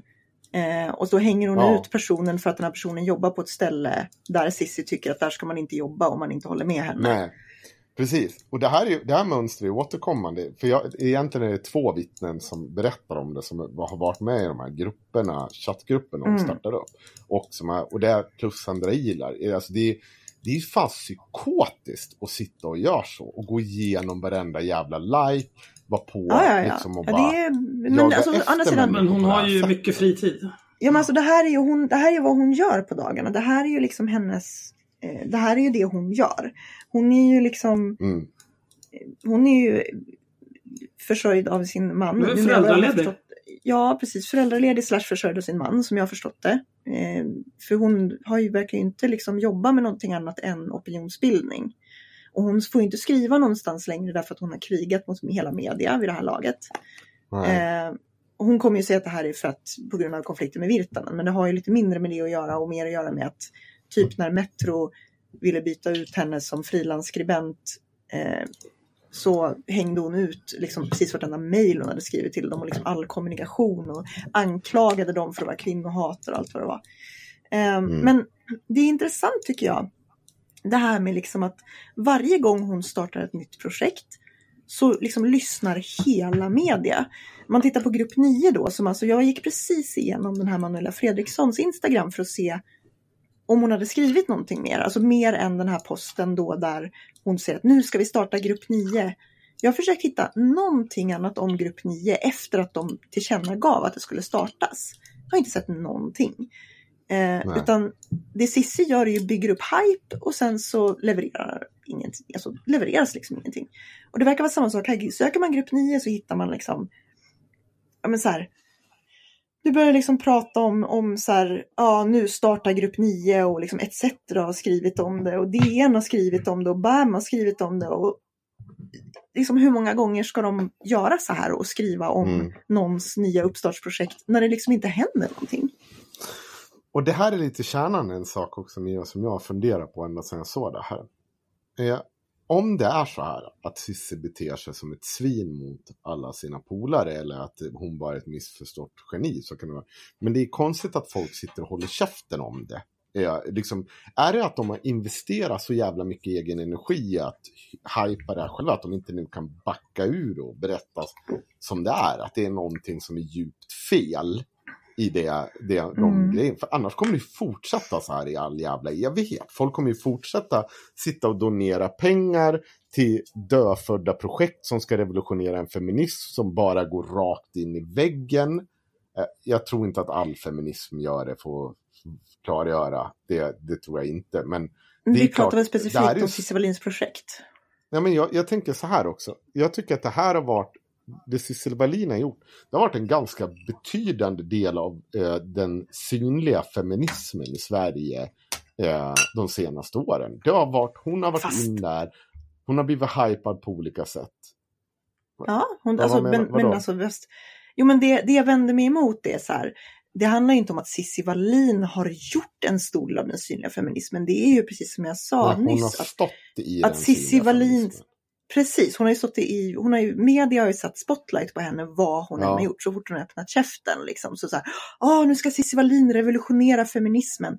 Senast i början på 2019 så lyftes ju Cissi Wallin i, i Svenska Dagbladet som feminismens fjärde våg centralfigur. Eh, Mm. hon och Elin Eksvärd bland annat, man pratar om, om så här, och Mia Skäringer också. Eh, och eh, ja, alltså. Jo, men det var en ganska det- dålig hade jag artikel. inte, hade, Men- nej, men, ja, men skit i det. Hade, har jag inte en poäng i när jag säger att hon har varit en betydande del av den synliga. Och när jag, när jag pratar om synlig feminism, då pratar jag om det som finns i media, sociala medier. Absolut, ja, men och det är hon. Hon är en av de största frontfigurerna. Det, Ja. det, jag, det jag vände mig emot var med att det, på dig lät det som att hon hade liksom varit en, om du säger att hon har varit en stor del av så låter det som att hon har liksom jobbat för det. Eh, Nej, nej, jag menar att jag hon känner har liksom, hon har inte åstadkommit. mycket. Hon har synts jättemycket. Ja, Eh, syns. Precis som Make Equal. Make Equal har ju också synts, men de har ju faktiskt Mm. åstadkommit saker. Sen kan man ju ha synpunkter på hur bra de grejerna är, men, Ja, men de har ju precis. åstadkommit Det- praktiska saker. Ja, de har verkligen, det är ju inte, det kan man ju inte, man kan klandra, jag kan klandra mycket, Make Equal för mycket. Men kan jag inte klandra dem för att de inte har gjort det de sa att de skulle göra? Nej. Känner jag. Det har de gjort. Nej, nej, De har alltså, liksom, har de... de- Ska de starta en näthatsgranskare? Det kommer komma en hel jävla projektbeskrivning. Det kommer vara papper, det kommer vara eh, webb, eh, liksom hemsidor, det kommer vara liksom Ja, men de är ju, bi, de är bidragsproffs. Ja, De är ju bidragsproffs. Det är ju så här, alltså de, de är ju så här, de gör ju projekt och så söker de projektmedel och så får de projektmedel och så gör de det projektet. Jag menar, de levererar ju. Sen så ja. vet jag inte om det är de bästa projekten eller om de kanske alltid förtjänar att få in en jävla massa pengar på det. Men de får ju det. Eh, och de levererar någonting. Att Mm. Sissi fortfarande får Kan- så här mycket uppmärksamhet är konstigt. Kan vi sy ihop det här nu? För nu är det en timme in. Mm. Mm. Ja, kontentan är... Nu har jag fått nog av Cissi Ja, Wallin. det- okej, absolut. Kontentan är att helvete vad hon har varit med och startat upp projekt som inte finns idag. Som inte syns. Eh, och eh, Ja, ja. om jag skulle, om, om det fanns någon eh, så här vadslagningsfirma om vem som var den stora orsaken till det här. Eh, då hade jag inte fått pengarna tillbaka på Cissi Wallin. Nej. Nej, jag hoppas att de inte får några jävla bidrag. Eh, nu är ju gardet, och de har ju inte lagt ner. Det ska vi ju vara tydliga med kanske. Att eh, Mm. gardet säger ju att de ska fortsätta och att det här är ingenting utan det kommer att gå så bra. Eh, och Cissi Wallin gick inte ut. Jag vet ju dock att eh, Cissi Wallin i ganska nära tid har haft eh, någon, någon sorts dödsfall i sin närhet. Så att jag tror att det är eh, kanske lite därför hon inte går ut och krigar om det här, även om hon var inne i kommentarsfält. Men Jenny Bengtsson och eh, den här andra som jag redan hunnit glömma bort vad hon hette, Viskans viol, var ju de som gjorde eh, posten och skrev om just det här att åh, gardet är så bra och det här kommer att bli superbra nu ska vi organisera oss och sådär. Mm. Ehm, så vi får se. Jag är tveksam. De har inte ens lyckats leverera ett inlägg om dagen sedan de startade på 12 pers. Så att nu när de är hälften så många så har jag inte så här jättehöga förhoppningar. Nej. Det är som eh, rummet fast tio år för sent och sämre. Mm. Eh, och med det går vi raskt vidare. Oj, då blev det lite eko för att jag blev så exalterad över att sluta höra mer om Cissi Wallin. Nice. Eh, vi pratade ju med en total idiot för inte så länge sedan. Mm. Mm. Han heter Luai Ahmed. Och vi har eh, helt oväntat så är det folk som är kränkta över det avsnittet. Jag tänkte jag ska läsa ett eh, lyssnarbrev. Mm. Som är, jag skulle säga att det här är symptomatiskt för den kritik. Och det säger jag i, i bredast möjliga definition som vi har fått från det här avsnittet. Veckans brev kommer från Josefin. Hej! Lyssnade på er debatt med Luai Ahmed och förvånas oerhört över den generella mobbartonen och hur fult Henrik Johansson pratar med Luai. Det var inte en debatt. Eh, ingen säger att ni måste hålla med honom eller att ni inte ska granska de saker han påstår. Det har ni all rätt till. Jag fattar. Tack Josefin. Mycket snällt. Precis som han har rätt till det med. Men att brista i respekt till den, nivå, till den nivå ni gör är fruktansvärd. Det äcklar mig djupt in i själen. Oj. Henrik Johansson kallar Luai för idiot och fån flertal gånger och fördummar allt han säger. Här skulle jag vilja ta en eh, mindre paus. Mm. Eh, det här med att, att äcklas djupt in i själen av att eh, vi säger emot Luai och är otrevliga mot honom och kallar honom för fån och idiot. Jag undrar om Josefin har hört av sig till Luai och sagt att hon äcklas djupt in i själen över att han påstod att homosexuella i Sverige viftar med dildos i ansiktet på barn Mm. i Pride-paraden. Vilket gör att islamister i till exempel Jemen får sina fördomar om att homosexuella är ytliga djur, som Luai Ahmed också kallade dem, och därför kastar homosexuella från tak. Har du uttryckt hur äcklad du är över det? Din jävla fitta. Det tror jag inte. Nej, men jag blir så jävla arg på sånt här. Jävla hycklare. Äckliga svin. Mm. Henrik Johansson kallar Luai för idiot och fån flertal gånger och fördummar allt han säger. Om ni nu bjuder in honom kan ni ju åtminstone visa respekt och lyssna på vad han säger. Vi, vi lyssnade på vad han säger, Ja. det var det som var problemet. Allt han sa var efterblivet. Alltså det här, ja förlåt du kan få läsa Att klart. bjuda... Nej, kör. Nej men Nej, jag, jag tänker på det här, det här, Go, go. det här kopplar även till det här ständiga töntargumentet. Så, Åh, ni är tre mot en. urr." Där fick vi efter Henrik Jönsson-grejen också. Och då var Henrik Jönsson-grejen så här, den var Mm. ju sjukt respektfull och trevlig och liksom mer av ett samtal. Eller så här en, en dialog än Loai-avsnittet. Det gick inte att ha en dialog med Loai. Därför att han, han, så fort han blev ifrågasatt så flyttade han målstolparna. Och då går det inte att ha en dialog. Nej, ni kan ingenting om islam. Det, det, Ja. Ja, Men det, det, är så här, det är omöjligt för oss att ha en dialog med någon som inte försöker ha en dialog utan bara vill komma in och säga att ni har fel. Och så säger man, fast vänta nu, hur kan du säga det här? Men det gjorde ju vi liksom, och så också. ifrågasätter man någonting Det och då ju- säger han, haha, he, he. Det var ju min utgångspunkt också. Det var ju Vadå? att han hade Va- fel. Och att jag inte orkade diskutera det så mycket. Nej, jag utgick ifrån att det här skulle vara en Ja, slagfest. det var liksom. min ingångspunkt i det hela. men, men där vill jag säga en sak gällande det här med oh, tre mot en, det är så fegt. Ja, det, det jag ville säga om det egentligen, det var så här att det där är ju bullshit. Därför att Luai fick, han fick prata klart hela, han pratade så jävla länge, hela tiden. Att vi är tre mot en vore ju bara relevant om vi pratade mer. Men jag tror fan att Luai pratade mer sammanslaget än oss tre tillsammans. Fast jag avbröt den väldigt Det är också- många gånger. Ja. Ja, men det är också det här med att tre mot en, det är liksom inte ett slagsmål det här, era jävla apor. Att vara tre stycken som tycker ungefär samma sak mot en person som har en motsatt åsikt, det gör bara att det är jobbigare för oss som är tre, eftersom vi ungefär samtidigt vill göra ungefär samma motpoäng och avbryta varandra. Och så här, jag, när jag lyssnade på det avsnittet till exempel, då, jag kommer ihåg en sak, då, jag säger, eh, jag dumförklarar honom för han säger någonting idiotiskt, så ställer jag en fråga till honom. Direkt efter så ställer Myra eller Henrik en annan fråga. Och direkt efter ställer Henrik eller Myra en annan fråga. Mm. Så att vi liksom snubblar på varandra för att vi blir så upprörda över att han är så jävla dum i huvudet. Om han då hade varit lite smart, då hade han ju bara idiotförklarat oss över att, för att vi håller på sådär. Alltså, ja, ni kan inte ens hålla er så här. nu får ni välja. Men det gjorde han ju inte. För att han är för jävla dum i huvudet. Jag kan säga, sätt mig i debatt mot vem som helst, vilken grupp som helst som jag inte tycker om. En mot 20, jag lovar. Jag kommer knulla sönder dem. Så jävla lätt. En mot 50, det kommer vara ännu lättare. Ja, alltså jag tycker att det är... Tre mot en, ni är idioter. Ja, alltså jag tycker, att, det- jag tycker inte att det är liksom ett hållbart argument, precis som du säger. Alltså det är därför att... Så visst, vi är tre som kan avbryta Hade det honom. varit- Men det var ju också så att eh, flertalet gånger så sa ju typ du Axel ifrån när Henrik avbröt honom till exempel. Och det var många gånger han fick prata Ja, och han- skitlänge.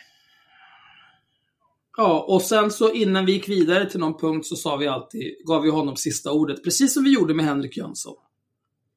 Så det här liksom, tre mot en, det hade varit en grej om det hade varit så här, men okej, vi möts på Gullmars och så löser vi det här på en gång. Ta med oss varsin hammare. Då hade tre mot en varit ett giltigt argument. Då hade vi varit fega och det hade varit dåligt och allt sånt där. Men i det här läget, det är bara fördel Luai. Att sen att han inte kunde förvalta den fördelen, ja, det har att göra med hans svagbegåvning. Det är inte mitt problem. Fortsätt att läsa. Ja, jag fan blir rasande alltså. Att bjuda in honom för att göra en poäng som gynnar er genom att bete er som bullies i åttonde klass är ju katastrof. Jag vet inte ens varför han stod ut med er mobbning två timmar i sträck. Det kan jag berätta för dig. För att så fort avsnittet var inspelat så började han spamma om att han skulle få det färdigklippta resultatet. Och så fort han fick det så la han upp det på sin YouTube-kanal. Och nu sitter han och hoppas på, väl på att bli monetiserad om han inte redan är det, så att han kan dra in pengar på det. Mm. Det är inga konstigheter. Mm. Only for the money and the fame. Ja, ja, men han vill ju ha reach liksom på sin, han vill ju vara opinionsbildare. Ja, det är klart. Så att han är ju jättenöjd Men över det här. han? Han har ju också suttit och varit ganska nöjd över att olika människor har gått ut och, och tyckt att vi har varit så hemska. En grej jag har reflekterat väldigt mycket över i, när människor har pratat om det här, det är att de pratar om Luai som att han var typ ett efterblivet barn. De är så här, ja men åh, stackars Luai, ta, han kan ju inte prata eng eller han kan inte prata svenska så bra, han är invandrare. Ja, så himla elakt av er att hålla på sådär mot honom. Som att han var liksom, han är, han är en vuxen människa. Han pratar nästan felfri svenska. Det, är inget, det var inget fel på hans svenska. Det var inte svårt att förstå honom en enda gång när han pratade med oss. Eh, Det är, jag, det, jag kan ge en halv poäng på det. För att det är så här, det finns nyanser i språket man inte förstår. Om man inte liksom är uppvuxen i kulturen, eller i alla fall har bott i den länge. mm, Eh, det var någon som också skrev så att han kanske hade, inte hade rätt, kunde formulera sig exakt rätt eh, snabbt. Det kan jag också, Mm. det kan jag gå med på. Men hans argumentation, om man nu ens kan kalla det, var inte så avancerad att den krävde några svåra formuleringar. Återigen, Bögar viftar med dildos framför ansiktet på barn och det är därför islamister hatar homosexuella. Go fuck Jag yourself. tror, inte att vi, jag tror inte att vi missuppfattade det för att han var dålig på svenska. Liksom. Det var ganska tydligt att det var precis det han menade. Sen så kanske han inte kan alla nyanser, Vi- fine. visst, ja. Men, men jag tycker också att det finns ett element av så här, eh, alltså benevolent racism i hur eh, de här kritikerna uttrycker sig om honom. Alltså det är som att han skulle, så här, han är inte liksom ett, ett utvecklingsstört barn som måste behandlas med silkesvantar bara för att han bryter på ett annat språk. Nej, han är vuxen. Det, är, det där är ju bara the racism of low expectations. De, som de gärna pratar om, de här människorna som sitter och gnäller på oss. Mm. Vänstern tvingar på invandrare bidrag för de kan inte jobba och klarar inte av någonting. Hej Ja, vänstern tror inte att invandrarkids inte kan vara tysta på biblioteket och så vidare. Men för mig är det konstigt att han har suttit och liksom retweetat och hjärtat det här när människor sitter och säger så här. Ja, stackars lilla Luai som inte kan någonting och han blir väldigt slaktad av er. Det, jag, ty jag tycker att det är lite nedlåtande mot honom. Främst. Alltså, huruvida han blev slaktad eller inte, det beror ju bara på vad man har för utgångspunkt. Mm. Tycker man till exempel att nazister är samma jävla genskräp som islamister och att de borde sänkas i havet, båda grupperna? Ja, då blev han nog slaktad. Ja. Tycker man att det kanske inte är en sanning att homosexuella viftar med dildos i ansiktet på barn varenda jävla pride? Ja, då blev han nog slaktad. Mm. Och så vidare. Mm. Men tycker man att man kan säga, ni kan ingenting om islam och sen prata om vad ens morsa gör, som att det på något vis har någonting med honom att göra, att han kan ta åt sig äran för det. Mm. Nej. Eller att han är släkt med Mohammed. Vem fan bryr sig? Pedofilepileptiker, det skiter väl jag i. Jag... ehm, Hur ska vi... ja, Aha, nej. Nej men jag var, även, jag var i kontakt med Loai efter inspelningen av avsnittet. För grejen var att jag, tanken var att jag skulle ha en föreläsning under Stockholm Pride om eh, just nationalism och hur det, eh, alltså varför nationalister är farliga för hbtq-personer. Eh, och vad det liksom finns i ideologin som det grundar sig i och så vidare. Eh, och jag bjöd in honom till den.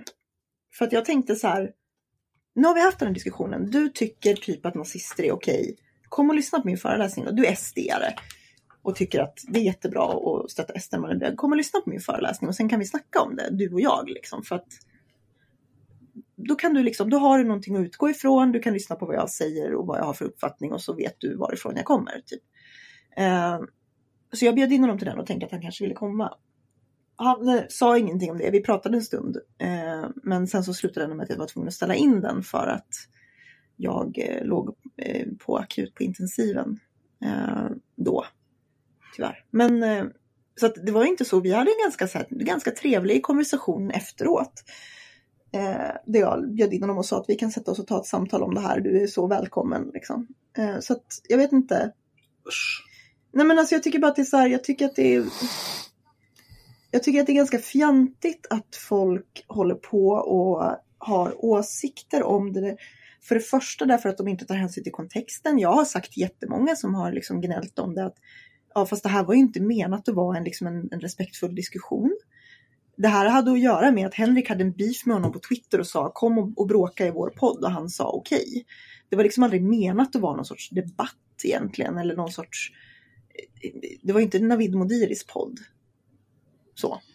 Nej, verkligen inte. Och det har vi aldrig heller varit. Kommer aldrig bli. Över min döda kropp. Jag tycker det är lite konstigt så här, har man någon koll på oss så ska man inte bli förvånad över att vi säger att folk är idioter. Därför att det är det vi gör varje jävla avsnitt. Då ska man ju inte bli chockad över att vi gör det till folk. Det är väl om något mer konsekvent att vi gör det till folk. Åh, gud. Ja, jag fortsätter. Hur ska vi någonsin kunna prata med varandra om människor som ni, som jag kan tänka mig många ser upp till, inte kan föra en normal debatt? Alltså, är det en sådan förebild jag önskar vara? Ni har verkligen lyckats. Det här, jag vet inte. Eh, det, det gick alldeles utmärkt för oss att prata med Lai. Jag vet inte.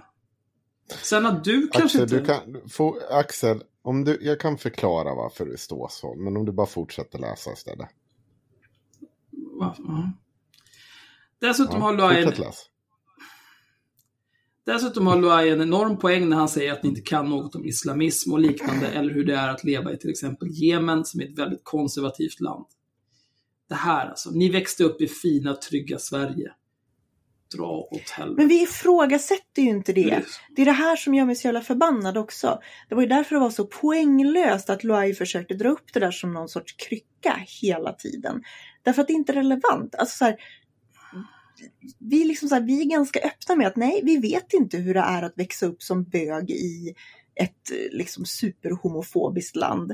Det är klart att vi inte vet det. Däremot så betyder ju inte det att vi inte kan säga nazister gillar inte bögar. Alltså, det, det är ett sånt icke-argument. Därför att det var inte det vi pratade om. Vi pratade inte om hur situationen var för homosexuella i andra länder. Nej, men det är också den här, ni inte kan något om islamism eller liknande. Lyssnade ni ens i början när han berättade för er hur man beter sig mot kvinnor där? Är Luai Ahmed den enda källan i världen på hur kvinnor behandlas i islamistländer? Dra åt helvete! Det går att veta saker utan att ha upplevt dem. Men sen ifrå... Det är liksom det som hela vår civilisation bygger på. Sen ifrågasatte vi väl inte det heller? Det var ju inte som att vi sa så här, nej du har Nej. fel om hur kvinnor behandlas i Jemen. Nej men det var ju någonting han tog upp bara, precis som att han pratade om sin morsa och allt hon hade gjort. Som att det liksom har någonting att göra med de idiotier han säger. Ja, Det är ju så dumt. men nu, är de ju, nu har de ju gått, liksom, hans kompisar, de har ju verkligen, högern har ju gått så här full rå, rosa apor nu när man börjar prata tolkningsföreträde och bara, "Nej, du kan inte ifrågasätta det här uppenbart utvecklingsstörda uttalandet för att du är inte utlänning så du vet inte det här. Så bara, Fast det här har inte att göra med det. Eller du kan inte uttala dig om man för du är inte, du, eller om, om feminism för du är man och inte kvinna och du vet inte hur det är att vara förtryckt Ja. och så vidare. Nej, det går inte att veta någonting om man inte har upplevt det. Nej, och jag menar jag har, så här, jag har gått i fler Pride-tåg i Sverige än vad Luaya Ahmed har gjort. Alltså har jag tolkningsföreträde för hur det ser ut i Pride i Sverige. Och det förekommer inte Nej, men det är ju dildos överallt. liksom, Jo, det är dildos hela tiden, i alla barns ansikten. ja. Ska man föra den där, liksom, ska man ha det där som utgångsläge, då ska man ju vara en liten gnutta konsekvent i alla fall. Nej, nej. Lyssnar ni när han berättar att Al-Qaida dödshotat hans familj för att hans mamma riskerar sitt liv för utsatta kvinnor? Ja, vi lyssnar. Lyssnar ni när han säger att han står på sin mammas sida? Hon är otroligt duktig på det hon gör. Det är ingen som ifrågasätter något av det här. Frågan är bara, hur är det relevant i, när man pratar om de idiotiska uttalanden som Luai Ahmed gjorde när vi pratade med honom? Det är inte relevant överhuvudtaget. Jag har jättemycket, alltså baserat på det han berättade så har jag jättemycket respekt för hans mammas arbete. Jag har jättemycket respekt för Absolut. Alltså jag har jättemycket respekt för alla människor som jobbar för kvinnors och hbtq-personers rättigheter i länder där de har mycket sämre rättigheter än i Sverige. Eh, och jag tänker inte gå in och säga att de inte gör tillräckligt mycket eller att de gör fel. Eller liksom, för de kan den, den situationen betydligt bättre än jag gör. Däremot så kan jag ha åsikter om om en av dem sen kommer hit och börjar stötta ett rasseparti i Sverige som jag känner till bättre än vad de gör. För att det här är mitt hemland och det är ett parti som jag har känt till i tio år. Då, då, då kan jag ha synpunkter. Jo, men han är ju också, han verkar ju inte heller riktigt förstå hur, hur demokrati fungerar. Det är som när vi pratar om, vad vill nazister? Ja, men då, då får man titta här i Nordiska motståndsrörelsens partiprogram. Mm, absolut. Vi tittar där. Vi tittar i nazisternas partiprogram och ser om det står någonting där om förintelseläger. Idiot. Mm. Eh, hur kan ni kalla honom islamist, idiot och påstå att ni är tänkande människor, men att han inte är det när han precis sagt detta till er? Det vill säga allting om hur kvinnor behandlas i Jemen och hans mamma. Ja, alltså det är återigen samma sak. Så här, bara för att hans mamma, allegedly, är magisk, så betyder inte det att han är det. Bara för att hon är magisk så betyder inte det att hennes son inte kan vara en jävla idiot. Det är, liksom, det är olika personer, jag fattar inte alls. Vad fan är det här för dumheter? Sen kanske han har jättebra så här, hans inställning kanske är superbra i Jemen men inte bra i Sverige. Nej, men det var ju en av mina takeaways. Det var ju så här. eh, jag kan tänka mig att det, kan nog inte, det är nog inte helt ovanligt. Folk kommer från så här riktiga skitländer. Där man bara har noll frihet, allting är hemskt. Du gör som vad du nu ledaren säger eller så blir du skinnflådd eller kastad från ett tak eller överkörd med en grävskopa eller whatever. Och så tänker du, jag måste bort från den här skiten för det här är helt sinnessjukt. Jag vill vara friare. Så kommer du till Sverige och så ser du en prideparad och så tänker du, nej, så här fria behöver vi inte vara. Jag vill ha ett mellanting. Men jag kan tänka mig att det finns ett element av kulturkrock i det. Och jag, alltså så här, jag förstår hans argument att jag har, ju, jag har ju haft den här diskussionen tusen gånger om just Pride med människor som inte är eh, Loai Ahmed. Men, men alltså, att just det här att det blir svårare att normalisera och säga att eh, jag är bög och jag är precis som alla andra om man klumpas ihop med eh, olika typer av utlevande BDSM, eh, kinksters och allt vad det är. Eh, pro problemet med det här är att de enda som gör den hopklumpningen är människor som vill misstänkliggöra homosexuella. Eh, alltså, mm. liksom så här, och de hade, de hade inte gillat det ändå. Jag är ledsen, men liksom människor som hatar dig för att du är homo skulle ha hatat dig för att du var homo även om de inte kunde skylla det på Pride. Det här är ju bara liksom ett svepskäl de tar till. För att, liksom, för att det, det motsvarar deras fördomar. Det är som att liksom, allt annat är som att säga att... Det är ju inte konstigare än det är som att inte vilja kalla sig feminist för att Cissi Wallin kallar sig feminist och hon är sjuk i huvudet. Det är exakt samma sak, ja. Nu är det ju så fånigt med just Pride också därför att Pride är en så enormt liten del sexuella inslag. Jag bråkade med någon kärring på Twitter härom veckan typ. Som höll på att säga liksom, alla de här sexuella inslagen och barn tvingas se dem. Och så jag bara, okej, okay, du har typ aldrig varit i Pride därför att då vet du att de sexuella inslag som finns liksom, det är inte folk som har sex, det är inte folk som visar kuken. De sexuella inslag som finns är oftast så här, sånt som vi vuxna vet är sexuella inslag, men barn vet inte. Barn ser ju inte någon som går runt i en hästkostym och bara, ah, det här är någon sorts perversiteter de sysslar med. De ser någon som har klätt ut sig. Mm. Och det är också, om, om man nu är så jävla orolig för barnen, gör en orosanmälan mm. då.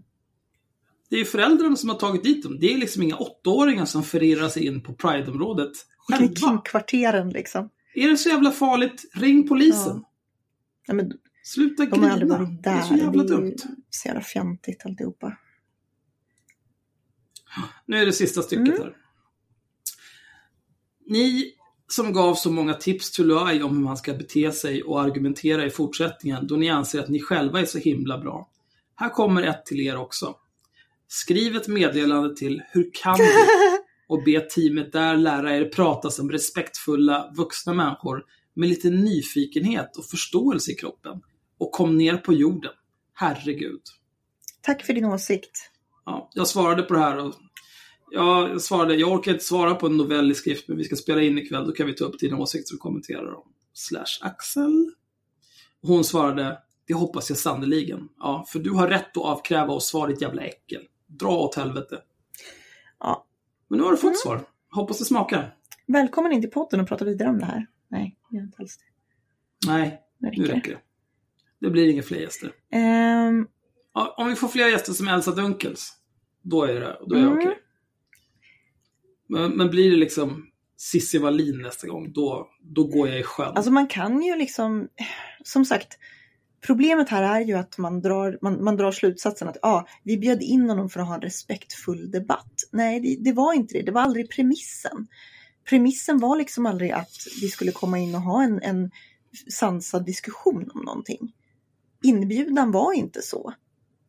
Eh, och det, det gör faktiskt lite skillnad. Sen tycker jag ändå att så här, jag menar, jag måste ändå säga att jag var, liksom, jag var ovanligt sansad med tanke på hur mycket dumheter han kläckte ur sig. Jag blir vansinnig på människor som ska liksom flytta målstolparna hela tiden och så fort de blir ifrågasatta så bara ja ah, fast ni förstår inte islamism, ni förstår inte, ni är min mamma och liksom försöka styra vidare till andra ämnen istället för att liksom diskutera sakfrågorna och kunna stå för vad de faktiskt tycker. Jag avskyr sånt. Det är en trigger för mig. Ja, det är bedrövligt.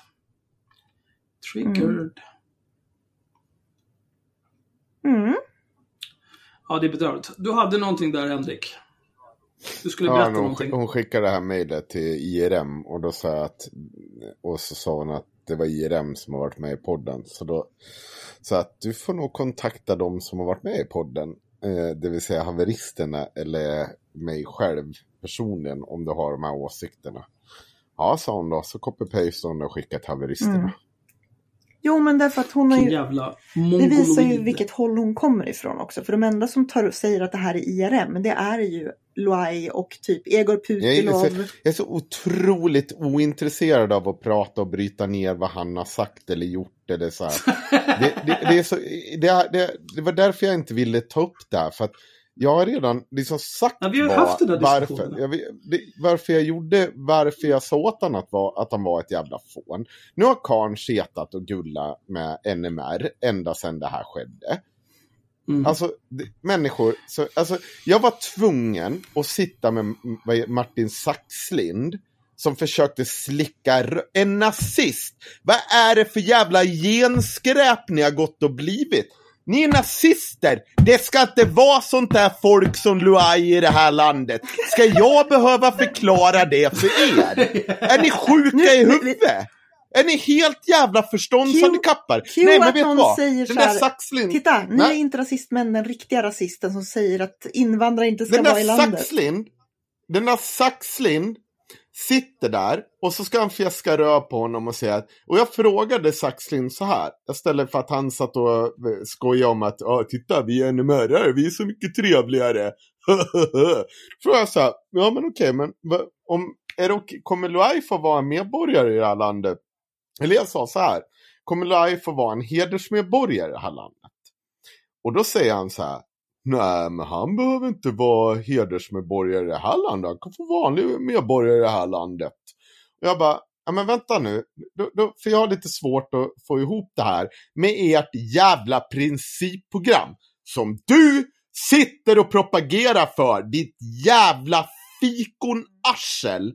Alltså, om ni har ett principprogram som säger så här att en rasfrämmande människa ska inte få finnas i det här landet och rösta som, eller de kan möjligtvis få finnas i det här landet, men de har inte rösträtt och det här ska utgå från genetik. Jag tror inte Loai passar in där. Men han skulle väl få rösta i Mello och Ja, Mello Let's ja, vänta, vi kommer till det. också. Men, Mm. ja men vänta, vänta, vänta nu. Ta det lugnt. För att då säger jag, anledningen att jag säger hedersmedborgare, det är att du kan i NMRs värld bli utsedd till hedersmedborgare, att du har gjort eh, stora insatser för landet så att, och visa trohet och visa att du kan vara en rejäl jävla husblatte. Inte egentligen mina ord, utan det är det som står i princip, deras principprogram. Och det är liksom den enda möjligheten för Lai att bli medborgare i det här landet. Att han slickar så mycket röv på NMR och bistår dem när de tar över och ska bli den här härskarrasen. Så då kanske han kan upptas. Hej Martin, kommer- det bor judar i mitt hus. Ja. Ja, i alla fall. Eh, men eh, då säger han, han säger ju då att nej, men han kan ju bli vanlig medborgare. Då bara skicka upp deras jävla principprogram i ansiktet. Bara dumpa det här som står. Då bara nej, men han kan ju få rösta Melodifestivalen om det är så viktigt Nej, det, han, att det han rösta. säger Nej, det, men det men han säger är väl så här, det- han kan ju rösta i Let's Dance och Melodifestivalen. Det borde väl räcka för honom. Ja, Typ. om det... Ja. Ja. Och det, det är ju det som... Ja, det, det är det som också är poängen med det här. Alltså, och det säger jag i programmet. Att, att Luai kommer aldrig behöva slicka min röv. Han kan få vara exakt så där jävla korkad som han är. Det ska inte ligga till honom i last när han söker asyl här. Nej. Det är liksom... Och, och, han, och inte bara får han vara sådär jävla dum i huvudet. Han får Nej. dessutom vara både svartskalle och bög också om han vill. Det är Ja. fine. Det är fine Inga problem. för mig. Och det här säger jag. Jag säger först eh, säger jag det i början på det här programmet. Att eh, lägg inte ord i mun på mig. Eh, jag använder bara din retorik. Sen någonstans i mitten, för att vi har babblat på, så, så blir jag förbannad. Så, ah, men då drar jag den här poängen med att men varför ska du sitta här och tycka de här sakerna? Eh, då ska Du du, som är gäst, du ja. är gäst i, i det här. Och så avslutar jag med att säga att du ska, kommer aldrig behöva slicka min röv. Och då tänker jag att det finns en bunt tänkande människor där ute. För när jag bjöd in till det här, då visste jag. Alltså hela min tanke innan det här programmet var att jag skulle bete mig exakt så här. Jag skulle bete mig lite som när Axel sitter och skriker att Cissi Wallin är efterbliven och dittan eller vad, vad det nu än är. Nu ska jag axla den rollen och vara eh, bara monumentalt. Axla? I alla fall. jag, jag ska ta på mig den här och jag visste att det här kommer, de kommer försöka klippa och klistra i det här. Det gör mig inte ett skit. Jag, jag, jag bryr mig inte för att jag tänker att nu pratar jag till människor. Jag försöker prata till dem som är tänkande. Det fanns ingenting som stör mig så mycket som när våra egna följare sitter och gnäller på tonen. De som har gnällt på tonen, det är inte så att ni någonsin har gnällt på när Axel sitter och kallar någon horunge eller något sånt där. Det, det är det, vad kul Axel är edgy och Mr. Edgelord. Nej, vet ni vad? Fitt luder kukballar är ni allihopa när ni inte kan se hur inkonsekventa ni är där. Ni kan inte höra när jag säger de här sakerna. Och ni, om ni har följt oss så vet ni ju att man kan axla en roll i olika situationer. Det är inget konstigt. Jag behöver ingen som går in och försvarar mig. Jag vill inte ha människors försvar. Jag visste precis vad jag gav mig in på, jag visste precis hur jag resonerade. Och vet, jag fanns seta med nazister med mer stringent argumentation än vad den här karn har. Jag kan liksom inte sitta och höra på den här för fjärde gången förklara att vi pratar om import av äpplen. Och så svarar han, ni kan ingenting om islamism. Och så ska jag bara sitta där och bara, ja ah, nu ska jag lyssna på det här. Som Navid Modiri, ta mig på kuken och berätta hur duktig jag är på att lyssna på människor. Jaha, du förnekar förintelsen, vad spännande. Det vill jag höra mer om. Kan, ja, det här låter ju inte bra. Det här, det här är ju inte bra. Det här måste vi tänka på och, och resonera kring. Kan du provprata lite om förintelsen? Ja, jag är så jävla trött på allt. Jag är inte intresserad av de som redan hatar oss, att de tyckte att det här var uppseendeväckande. Det, det jag blir irriterad på, det är de som har lyssnat på oss och inte förstår skillnaden. Och inte förstår hur inkonsekvent det blir. Att jag kallar, jag kallar honom ett fån och sen sitter han och dreglar i kapp en NMR-are. Vad fan tror ni är värst? Vad tror ni är värst för allmänheten? Tonen. Vad tror ni är mest för mänskligheten? Ja. Tonen, Henrik. Måste så, tänka på. Nu har jag pratat också... klart om det här. Jag vill inte, nej, jag vill inte prata ett ord till om det här. jag vill bara säga ett avslutande ord här. Att det är ju... mm. Nej, men det är viktigt det här med att vara konsekvent. Alltså, horungar är horungar. Det spelar ingen roll vad de tycker. Det som spelar roll är om de ljuger, beter sig illa, hycklar och är allmänt vidriga. Det är det hela den här podden handlar om. Och om man är nytillkommen, då har jag full förståelse för det. Om man lyssnar på det här för att man lurades hit av Loais gnäll och hans väldigt väl beskurna thumbnail som han har på YouTube där han bara har med vår, den del av vår nya logga som är Henrik i IRM-tröja. För att han påstod att han hade en de debatt med IRM slash haveristerna eftersom han är en opportunistisk horunge. Då är det fine. Men har man lyssnat länge på den här podden och inte vet vad det här handlar om. Det, det kan jag, okej, okay, jag kan säga en sak till. Han, han visste om att han inte debatterade med IRM. Det pratade vi om innan vi satte igång Det är klart han visste det. Han är ju alltså han är dum i huvudet, men han är inte dum i huvudet. Han fattar vad som drar klick. Och är man... Det är också så här... Tror man att han är någon så här, åh nej, han är bara en, en snäll jemenitisk bög som är här och vill göra Sverige svenskt igen och tycker att alla ska ha det bra. Han vet inte, han vet ja. precis vad han håller på med. Nigga please. Nu räcker det. Åh! Gud vad härligt. Då är vi äntligen framme. det är mina fyra sidor anteckningar här. Mm. Oh, Gud vad jobbigt allting är. Allt det här började. Det här handlar om Jonas Hållén. Som jag åt pizza med för eh, några veckor sedan. Och det kan ni eh. lyssna på i vårt Patreon-exklusiva avsnitt. Om ni be bestämmer er för att faktiskt börja bli Patrons. Mycket bra avsnitt. Men nu får ni skylla er själva om ni inte har betalt för er och inte förstår vad det här handlar om. Ja. Det är, är ni inte Patrons, pausa det här avsnittet, bli Patrons, lyssna på det, kom tillbaka. Jag kommer vi, spela vi kommer upp några klipp från det samtalet. Kom, ja. Eh, första gången jag hade med Jonas Hållén att göra var hösten 2 lax 18. Eh, jag råkade i luven med honom över någonting på Twitter. Han blev helt manisk och eh, skrev till mig på massvis med trådar. Så här, Visa något intelligent du har För jag, jag, jag skrev typ att han var en korkad boomer för att han hade skrivit massa dumma saker och bara var idiot. Visa något intelligent du har skrivit då Axel. Kan du inte? Blä blä. Så höll han på sådär så till slut så mutade jag honom. För jag orkade inte se honom längre. Eh, sen var han uppkäftig med dig igen Henrik för några veckor sedan. Vad var det om? Eh, nej men det var bara Rebecca Uvell och Greta Thunberg eh, diskussionen. Det är mycket i Ja, det där. just det. Ja, Det var det du började med. ja, han vägrade erkänna till Rebecca Uvell. Så här, vi sitter och pratar på Twitter. Och han vägrar erkänna att Rebecca Uvell har ljugit. Utan han bara går på, han bara liksom, han, när man påtalar och visar liksom så här före och efter. Eller det som, nej förlåt, inte efter, utan det som faktiskt ligger kvar på hemsidan än idag. Att hon hade ljugit. Och när hon får reda på sanningen så ljuger hon ännu mer. Det, det ligger där på sajten. Hon har inte ens brytt sig om att ta bort det. Jag behöver inte ha skärmdumpar på att visa upp det. Det liksom ligger kvar. Hon har inte gjort någonting med det.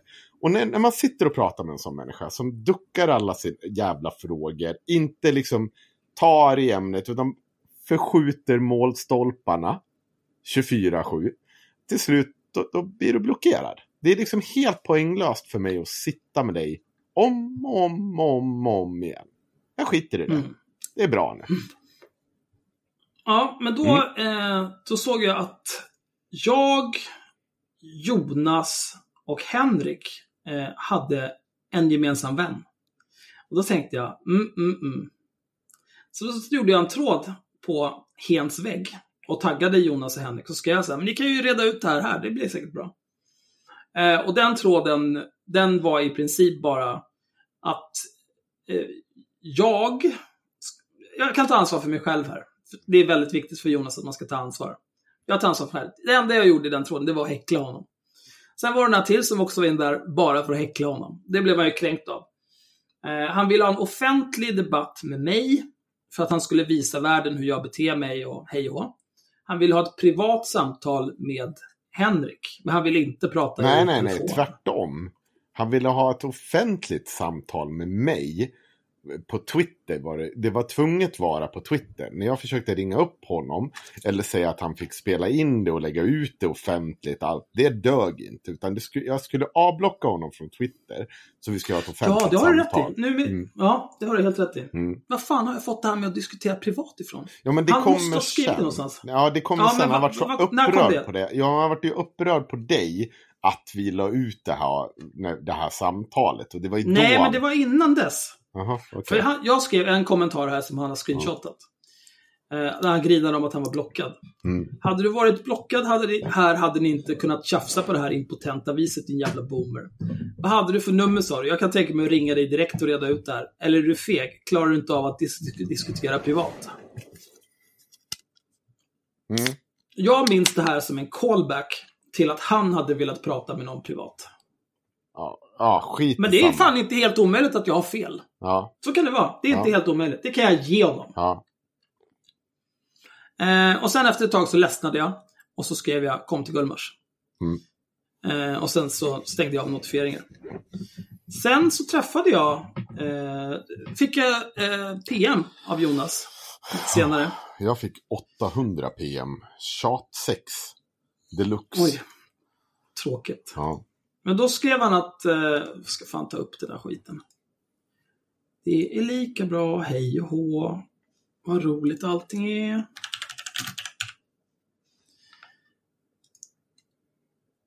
Du ville ses på Gullmars. Well, på onsdag kan jag. Jag ska ta mig in till stan till 10 och har ett ärende 14.00 i city. Ska försöka ta sista färjan tillbaka till ön 17.11 så jag är inte inne på kvällen.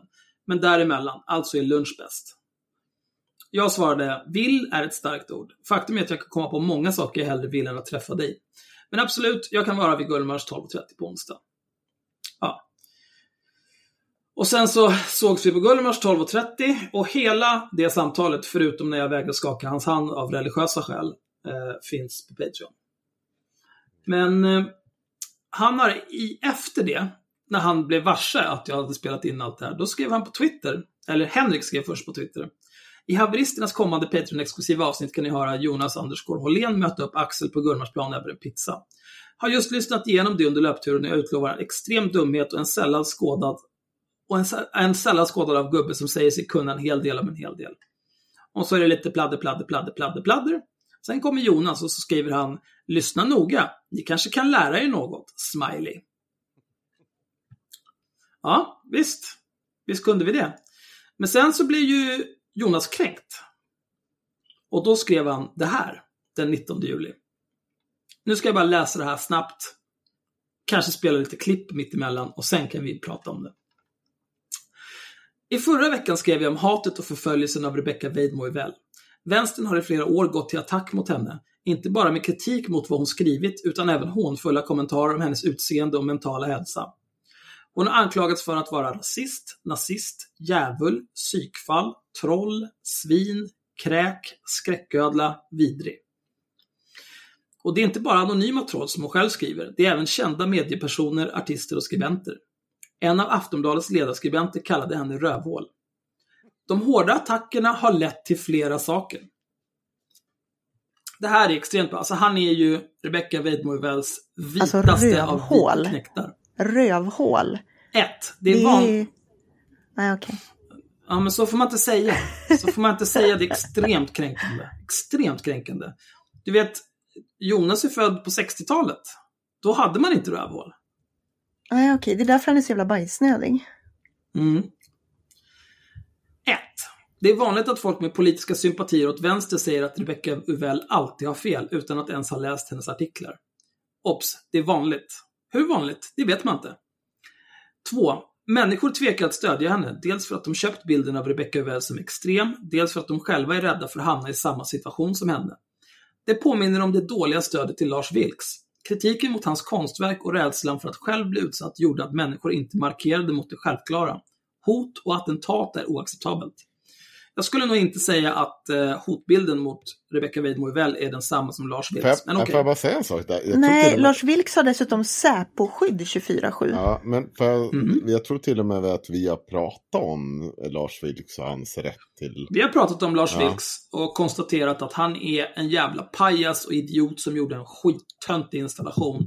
Men att islamistjävlarna kan dra åt helvete. Mm. Och det är klart att han ska få göra det om han vill och det är klart att han ska Ja. ha Säpo-skydd dygnet runt om de försöker mörda honom. Ja, Ja, herregud ja. Alltså de ska ju skickas till månen. Dessutom har ju liksom Niklas Orenius har ju fan skrivit en bok om Lars Vilks. Alltså det är inte som att han har fått dåligt stöd av quote unquote etablissemanget. Eh, Det var väl precis i början när det var så här, jag har gjort en rondellhund, det är Mohammed. då tyckte ju folk att han var dum i huvudet. Men sen så var det ju folk som faktiskt försökte mörda honom. mm. Och då tystnade ju det där. ja nej, det... Vi tar nästa Mm. punkt här. Tre. Det här är det bästa. Rebecca väl blir arg, skärper själv tonen och riskerar att göra fel i sin iver att slå tillbaka. Mm. Absolut. Den här taktiken har använts länge av extremvänstern. Hata, förlöjliga, mobba i grupp tills offret begår misstag eller trängs in i ett hörn Mm. Och radikaliseras till en sämre version av sig själv och därmed en ännu bättre måltavla för häcklandet. Det... Oh, oui. Nu ska vi spela ett litet klipp här. Eh, nu får ni vara tysta Okej. när vi spelar det här. Den här grejen var en av de sämre grejerna hon skrev, för hon gick ut för hårt.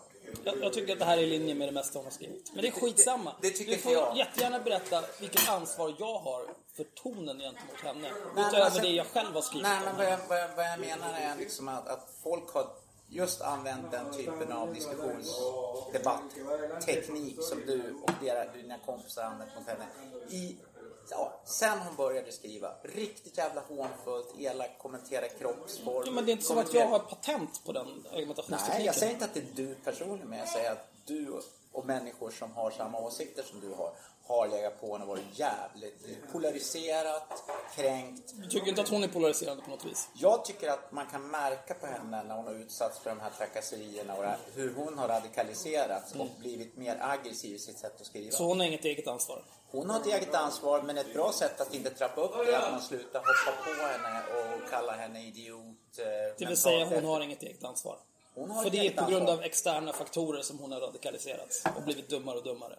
Hon har ett ansvar också. Men ni som skriver på det sätt ni gör, använder det sätt att uttrycka sig som du gör. Ni har ett stort ansvar för vad som händer, hur åsiktsklimatet polariseras, hur det blir mer och mer aggressivt från båda håll. Och har Rebecca Weidmo väl samma ansvar?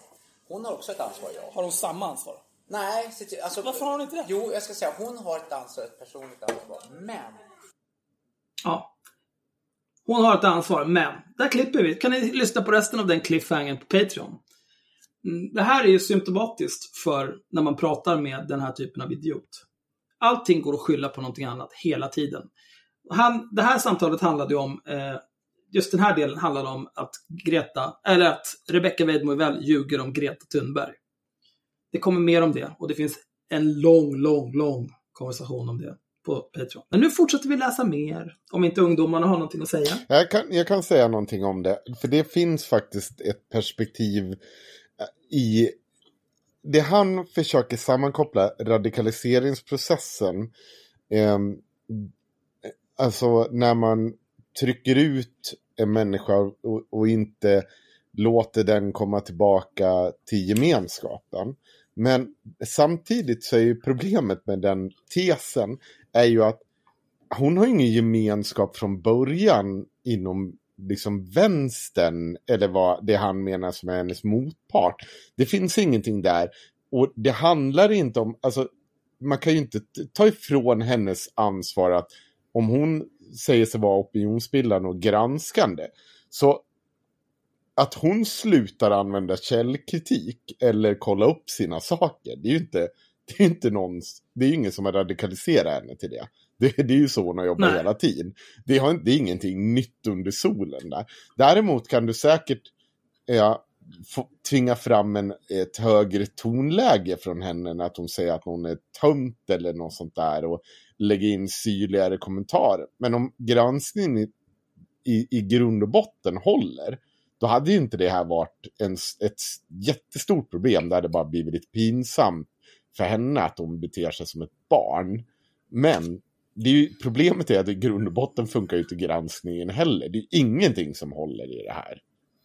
Nej, men det enda hon har är ju sin ton. Ja. För den appellerar ju till ja, Och helt ärligt, samma den har varit- skräpmänniskor som appelleras av Loy Ahmed. Ja, den har varit Den har ju varit lika vedervärdig i Ja, ett ja, tio som år. jag minns det så har ju hon alltid... Nej, ja, men jag kan ju gå tillbaka till när hon först skulle granska skiftet och hängde ut Robert Johansson som deras eh, kassör. Och stackars Robert Johansson hörde av sig. Jag, jag är inte kassör åt skiftet. Hon bara, bevisa det. Bara, hur, hur, ska, jag- hur ska jag bevisa det? jag vet inte, jag är inte deras kassör. Kan du ta bort mina hemuppgifter från din blogg? Och så bara alla bara, nej men, nej men det är inte han, det är fel Robert. Så bara, och det vart ju bara pinsamt. Men i alla fall, skit i samma. Fortsätt. Jag ska inte... Jättedumt. Ja, det är superdumt. nej. Ja, nej, men det här, den här, det, det här var ungefär hälften. Det, här, det, det är typ en tredjedel har jag läst. Jag, Mm. jag tänker inte läsa alltihopa, men det är mycket gnäll. Mm. Eh, det är framförallt, kontentan är, det här är egentligen kontentan. Långt innan jag bestämde mig för att stödja personen Rebecca Uvell mot hatarna blev jag varnad för konsekvenserna. De kommer angripa dig likadant. Alltså han har ju någon typ av messiaskomplex och ska rädda Rebecca Uvell från alla onda människor som är ute efter henne. Och hon är bara någon stackars prinsessa som inte har gjort någonting fel. Nej. Åh! Men, här är det en hel massa gnäll. Jag har, han, han klagar ju mycket på tonen. Eh, både här och när jag pratade med honom. Jag tänkte jag ska läsa lite kommentarer från den här första tråden. Mm, mm, mm, mm, mm, mm. mm. Mange skriver, så Öman är en simpel mobbande fegis. Tänk vad jag inte blev förvånad över det. Anna skriver, vilken smygaggressiv loser. Osmakligt sätt att uttrycka sig. Förmodligen dåligt vaggat. Intressant förolämpning. Dolores skriver Big time loser. Vilket vidrigt beteende. Djävulens utsända, ditsatta för att härska och söndra. Ingen som helst skam i kroppen. Och här kommer en mycket bra. Stefan.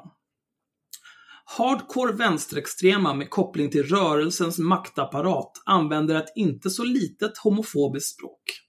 Vänsterns mer militanta grenar har stora språkliga likheter med den invasiva menakulturens religiösa intelligensia.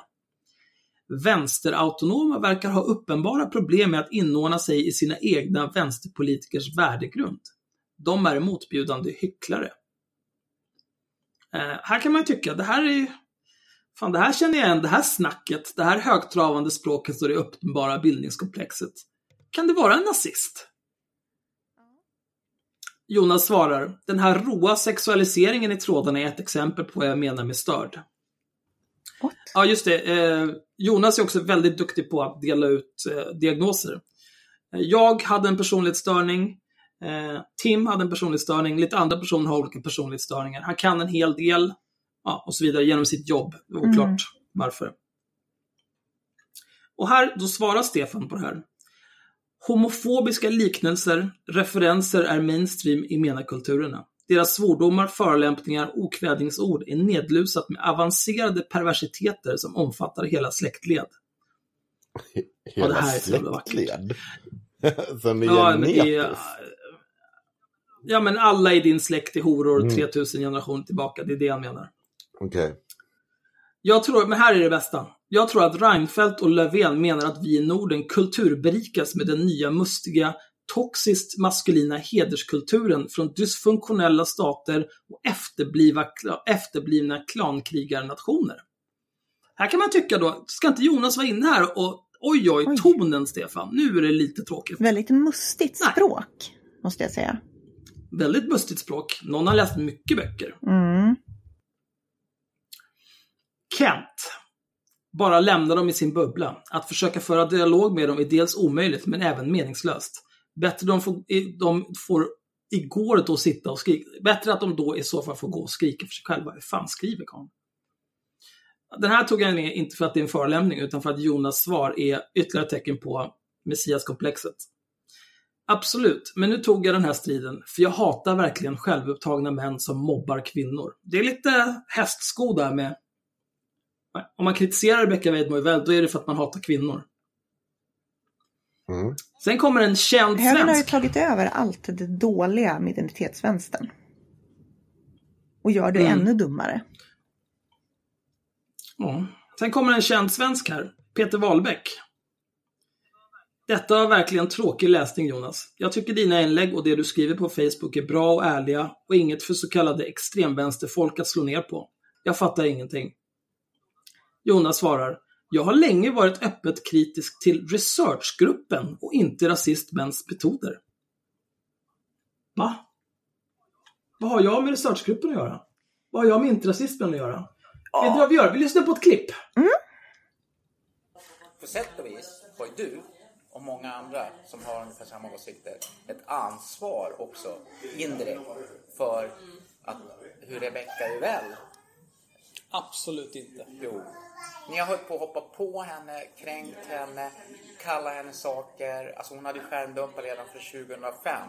Liksom hur hon har blivit påhoppad, kränkt. Men hon har väl förmodligen varit lika korkad som hon är nu sedan 2005, om inte tidigare.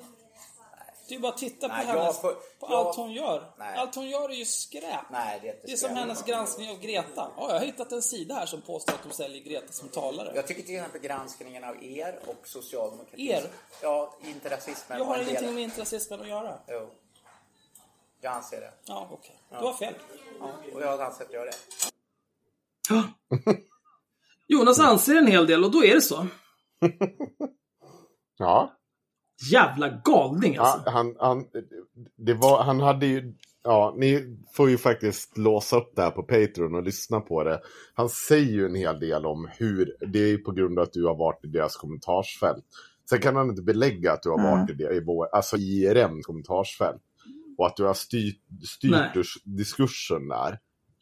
Tongivande. Ja. Och, jag bara, och jag satt bara och tänkte bara, jag tror fan jag aldrig har sett dig i vårt kommentars... Det är någon gång... Nej, jag sa det till honom också att jag, jag har skrivit det här några gånger, kanske Ja. ett tiotal gånger, men det är så jävla mycket folk som skriver det. Så man Mm. får ju hjärnblödning av att försöka Mm. prata med dem. Det är Ja. helt meningslöst. Så Nej, därför det, låter jag bli. det, det och, och, det, Men- det, och de gångerna har det ju varit när du har gnällt på typ identitetsvänstern. som har gnällt på oss. Ja, du har ju varit Mm. inne och Ja, ja. krigat mot dem. Alltså de, de gånger du har varit inne och bråkat så har det varit så här när, när vi blir attackerade. Det här har vi pratat om förut vet jag. Men alltså att när Mm. vi blev, blev attackerade för att vi citerade ordet neger så var ju du inne och bråkade med olika typer av concern trolls. Ja. Det är typ den gången jag vet att du har varit Mm. inne och kommenterat. Det, men Alltså jag har ju aldrig kommenterat så här, bra sagt, fy fan vad dåligt med SD, det är världens sämsta parti. Det är ju inga så här Nej. dussin-kommentarer liksom. Det finns ju redan Men- 200 000 personer som skriver sånt. Det Men alltså, inte. jag, jag, kan, jag kan acceptera att man klumpar ihop dig med IRM och IRM. För det här gör man ju liksom för att flytta. Alltså man, man börjar med att klumpa ihop dig med IRM och sen så säger man att ja, men IRM och Expo, det är typ samma sak. Därför att IRM och Expo har samarbetat. Och Expo Researchgruppen, det är typ samma sak. Och de som grundade researchgruppen var aktiva i AFA. Så då betyder det att IRM är AFA och vänsterextrema våldsverkare. Det är den, eller att du är det, det är ju den kedjan man vill bygga upp. Eh, och, och det är ju fine om de vill göra det. Men det blir ju väldigt roligt för att då skulle vi kunna göra exakt samma kedja med Rebecca Weidmo och säga ja, Rebecca Weidmo har lagt upp selfies där hon sitter och gullar med Mattias Karlsson. Mattias Karlsson gick med i ett nynazistiskt parti. Eh, alltså är Rebecca Weidmo nazist. Ja. Det är mycket Ja, kortare man behöver inte ens göra kedjan längre än så. Nej. Ja, Men vi kan göra kedjan längre än så. Vi kan, liksom ta, vi kan ta SD och säga att ja, SD ja har det, ju... det kan ju gå hela vägen till NMR.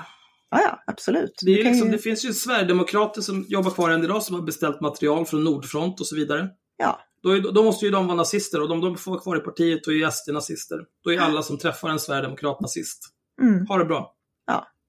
Eh, och jag menar, det kan det är lite göra. shit i er, kan jag tycka. Ja, precis. Ja. Det är ju ganska töntigt. Nu ska jag bara ta sista kommentaren här. Mm. Eh, här är nog den största anledningen till att jag slutat kalla mig vänster, demokratisk socialist, okej, vänster. Nej tack. Dessa jävla rohypnol-aggressiva sektmedlemmars åsiktsfascism är så störd och vidrig. Heja Jonas, I got your back brother. Tror ni att Jonas klagar på tonen? nej. Nej, Jonas klickar like. Det blir like Hörru på den. Cissi Wallin. Din jävla hycklare.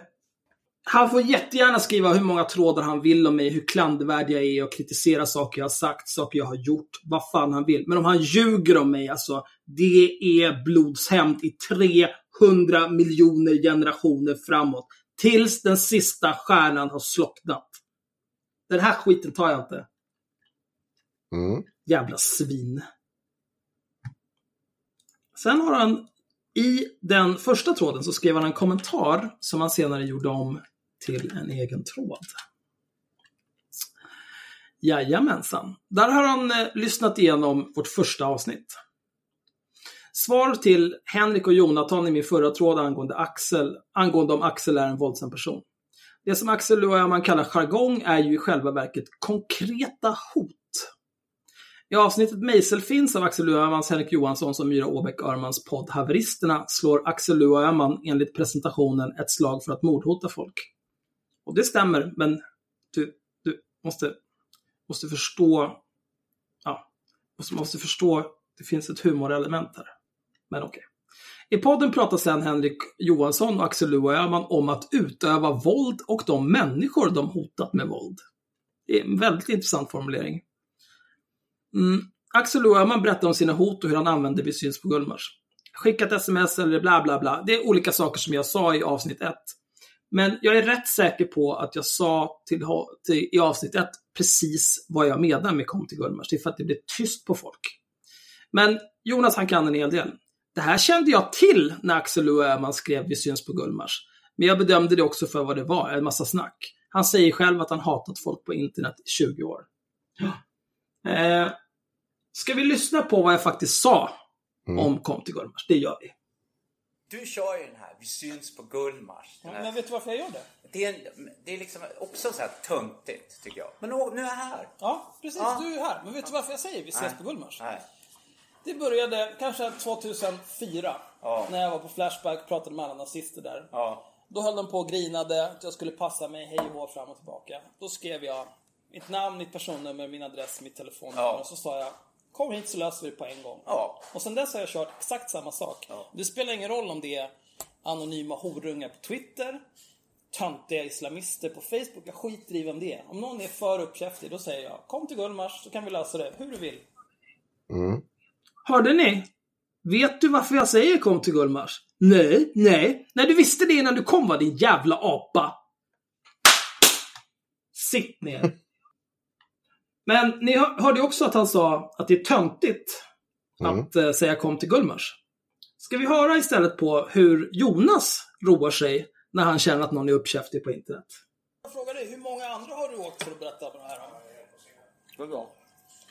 Du ser, du ser väl andra som du tycker beter dig illa på internet? Hur många andra har du känt att de här människorna måste jag minsann prata med om hur de beter sig? Om det är någon som hotar mig så söker jag upp dem, om jag kan. Ja. Om Men jag det, kan. Ja. Men det är ju ingen som har hotat dig nu. Nej. Men det var, nu var det du som sa, nu var det du och Henrik som sa så här, "Åh, fan du Det kan sa- inte träffas, du är så jävla feg, fan. Kom till Gullmars. Ja, jag kan Nej, det Gullmars. sa var... Henrik sa att du vågade inte ringa. Nej, sa det sa jag. träffas. Ja, det kanske han sa. PM. Och sen sa du, kom till Gullmars. Ja, kan jag. Det är inget problem. Mm. Men jag, jag så faktiskt, senast jag gjorde det var för två veckor sedan. Då var det en, han är någon form av ja, regissör och sån jävla skit. Jag vet fan. Han är någonting. Han, han bad mig hålla käften och att jag skulle passa mig. Mhm. Ja, okej då så. Då var det bara att kolla vad hans namn han bodde. Så jag kommer hem till dig så får du liksom be mig hålla käften och, och liksom eh, och säga åt mig att jag ska passa mig då. Så du trappade upp våldet? Nej, jag trappade inte Du upp. trappade upp våldet? Nej, det gjorde jag inte. Han säger till dig på internet, håll käften, du ska passa dig. Du tar reda på vart han bor och säger att du kan komma hem till Ja, honom. men hur svårt var det? det är han- Jag säger inte att det var svårt, men du trappade ju upp våldet. Ja, nej, det var ingen våld. Jag inte Nej, var... men jag, men jag åkte det är ju dit. en liknelse. Ja, men jag åkte dit och knackade på Du dörren. åkte dit och knackade på dörren. Du tycker Nej, inte men att det visste- är väldigt stor han, skillnad? han, han visste att jag kom. Ja. Ja. Så du förvarnade om att han skulle få hembesök av Nej, någon jag som sa var så sur här, på honom? Nej, så här var det. det gick- du, Ja. Och sen så förklarar han hur det egentligen låg till. Men det kan ni en lyssna på på Patreon. Jag, jag tycker det där är det konstigaste ljug jag har Absolut. hört. Jag tror inte det där är sant. För att han vrider den där historien i Nej, hela samtalet.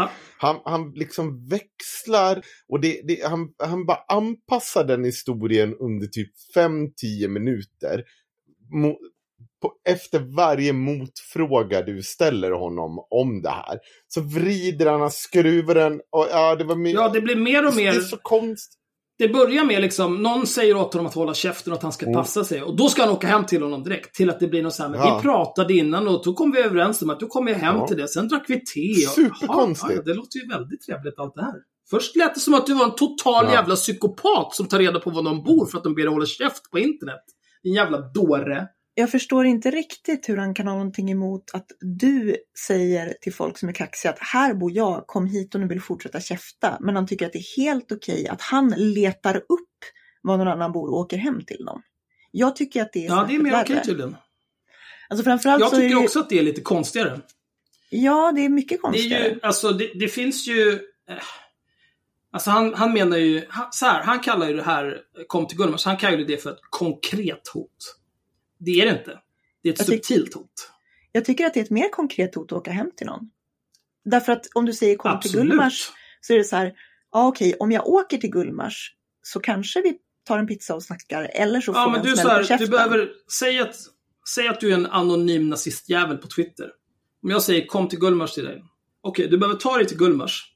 Sen behöver du kontakta mig och jag behöver vara tillgänglig. För du kan inte bara stå på Gullmars, för jag vet inte hur du ser ut. och sen så behöver du också, du måste ju vara uppkäftig. Jag kommer ju inte bara sänka dig så fort jag ser dig. Utan det är klart, du får ju slå först liksom. Det får jag ju ta. Men sen kommer jag göra allt i min makt för att mörda dig. Så är det. Men om Jo, någon kommer till Gullmars och möter mig och försöker mörda mig, då kan man inte bli förvånad över att man blir mördad tillbaka. Så enkelt är det. Men den enklaste lösningen är ju att inte komma till Gullmars. Det är, det är förmodligen lättast för alla inblandade. Ja, alltså och, Och, och jag menar, som jag det- sa i... då är det ett mycket mer konkret hot att åka hem till någon. Därför att du söker Absolut, jag skulle aldrig åka hem till någon. Det är helt sjukt. Nej. Eh, Tänk också... dig själv att få ett PM där någon skriver så här. Ja, jag kollade upp din adress nu. Passar det att jag kommer över nu? Eller så här, jag, jag kommer hem till dig så kan vi reda ut det här. Ja, det är ju gränslöst. stört. Jag hade ringt polisen. Ja. Ehm, nu har det här förmodligen aldrig hänt. Så att, eh, men eh, har det hänt? här man får väl lita på honom. Ja, om den här personen om vill göra sig till känna så kan vi... Kan vi Jag kan säga så här mycket. Det kan mycket väl ha hänt i Men, det med att han ehm, åkt ja, dit. Men inte på det sättet som han beskriver det. Det tror jag inte på. Jag tror att han försökte vara stöddig tillbaka på något sätt och sen backfire det där. Och så vart det, ja, och så vart det jättekonstigt. Trappa upp våldet. Ja, Nej, det var ingen våld. Vilket jävla våld! Ja, alltså det här är också Nej, jag- kul att, jag- han, att han låtsas att han inte förstår våldstrappan. är ju också kul. Ja. Alla, alla Men han är jävla, jävla människor. pajas. Alltså det är så här våldstrappan. För om det är mo- mot förmodan är någon lyssnare som är lika jävla obildad så finns det ju en våldstrappa som går ut på att du liksom eskalerar ett våld. Eh, och vissa steg i den trappan är ju faktiskt inte fysiskt våld. Fysiskt våld är ju liksom översta steget på våldstrappan. Ja, Innan det kan ju vara typ... höja rösten, eh, typ gå Ja. närmare någon. Alltså det finns ju massa sådana där grejer. En knuff, en örfil, en smäll, en kniv, en bazooka, en tank och så vidare. Liksom. Det är, ja. alltså, Bjuda in Fattar ni hur en trappa funkar så fattar ni väl för fan hur våldstrappa funkar. Jag vill inte behöva. Men eh, å andra sidan, jag kan mycket väl tänka mig att han ljuger med tanke på att han, med, efter det här samtalet jag hade med honom och de här två posterna han har gjort, så har han ju bevisat att han är en lögnare och en hycklare. Så att, eh, och eftersom han tydligen ser någon slags själsfrände i Rebecca Weidmo väl som också är en lögnare och hycklare, så har jag inga som helst problem med att tänka mig att han har ljugit ihop allt det här. Mm, men det är en sak till. Vi, vi är inte klara. Vi är inte klara. Det ska ni ha jävligt klart för er. Mm, mm, mm. Jag är så glad över att det här hände. Jag måste bara hitta det. Åh.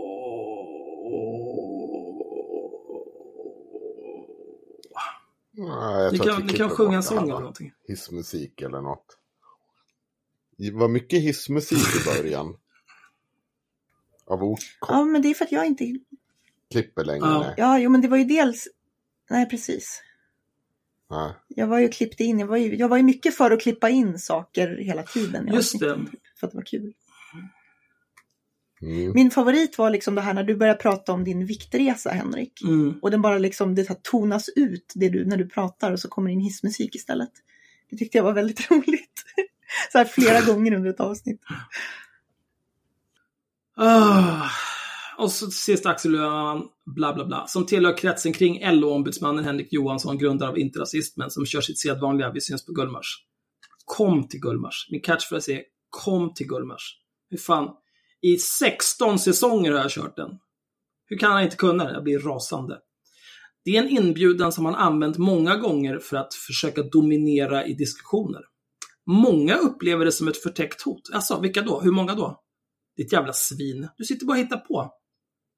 Men aggressivitet och förtäckta hot stoppar inte mig. Jag åkte till Gullmars för att ta reda på vad Axel Lueman ville. Det här är också så här, ska du bestämma dig för om det är ett konkret hot eller ett förtäckt hot? Det är olika saker. Du måste välja. Nu fan hittar jag inte den där jävla kommentaren. Fan vad arg jag blir. Men, han, han säger i alla fall, eh, han skriver att han eh, vet hur vänstern arbetar med massanmälningar och så vidare för att ta ner misshagliga personer och sidor från internet. Och så skriver han något som Axel Luo Öhman bekräftade för mig när jag träffade honom. Låt oss lyssna på hur det lät den enda gången vi pratade om massanmälningar under en timme och en kvart. Det här är apropå att han påstår att eh, man kan inte skriva Tommy Robinson på Facebook utan att bli blockad. Absolut din jävla idiot.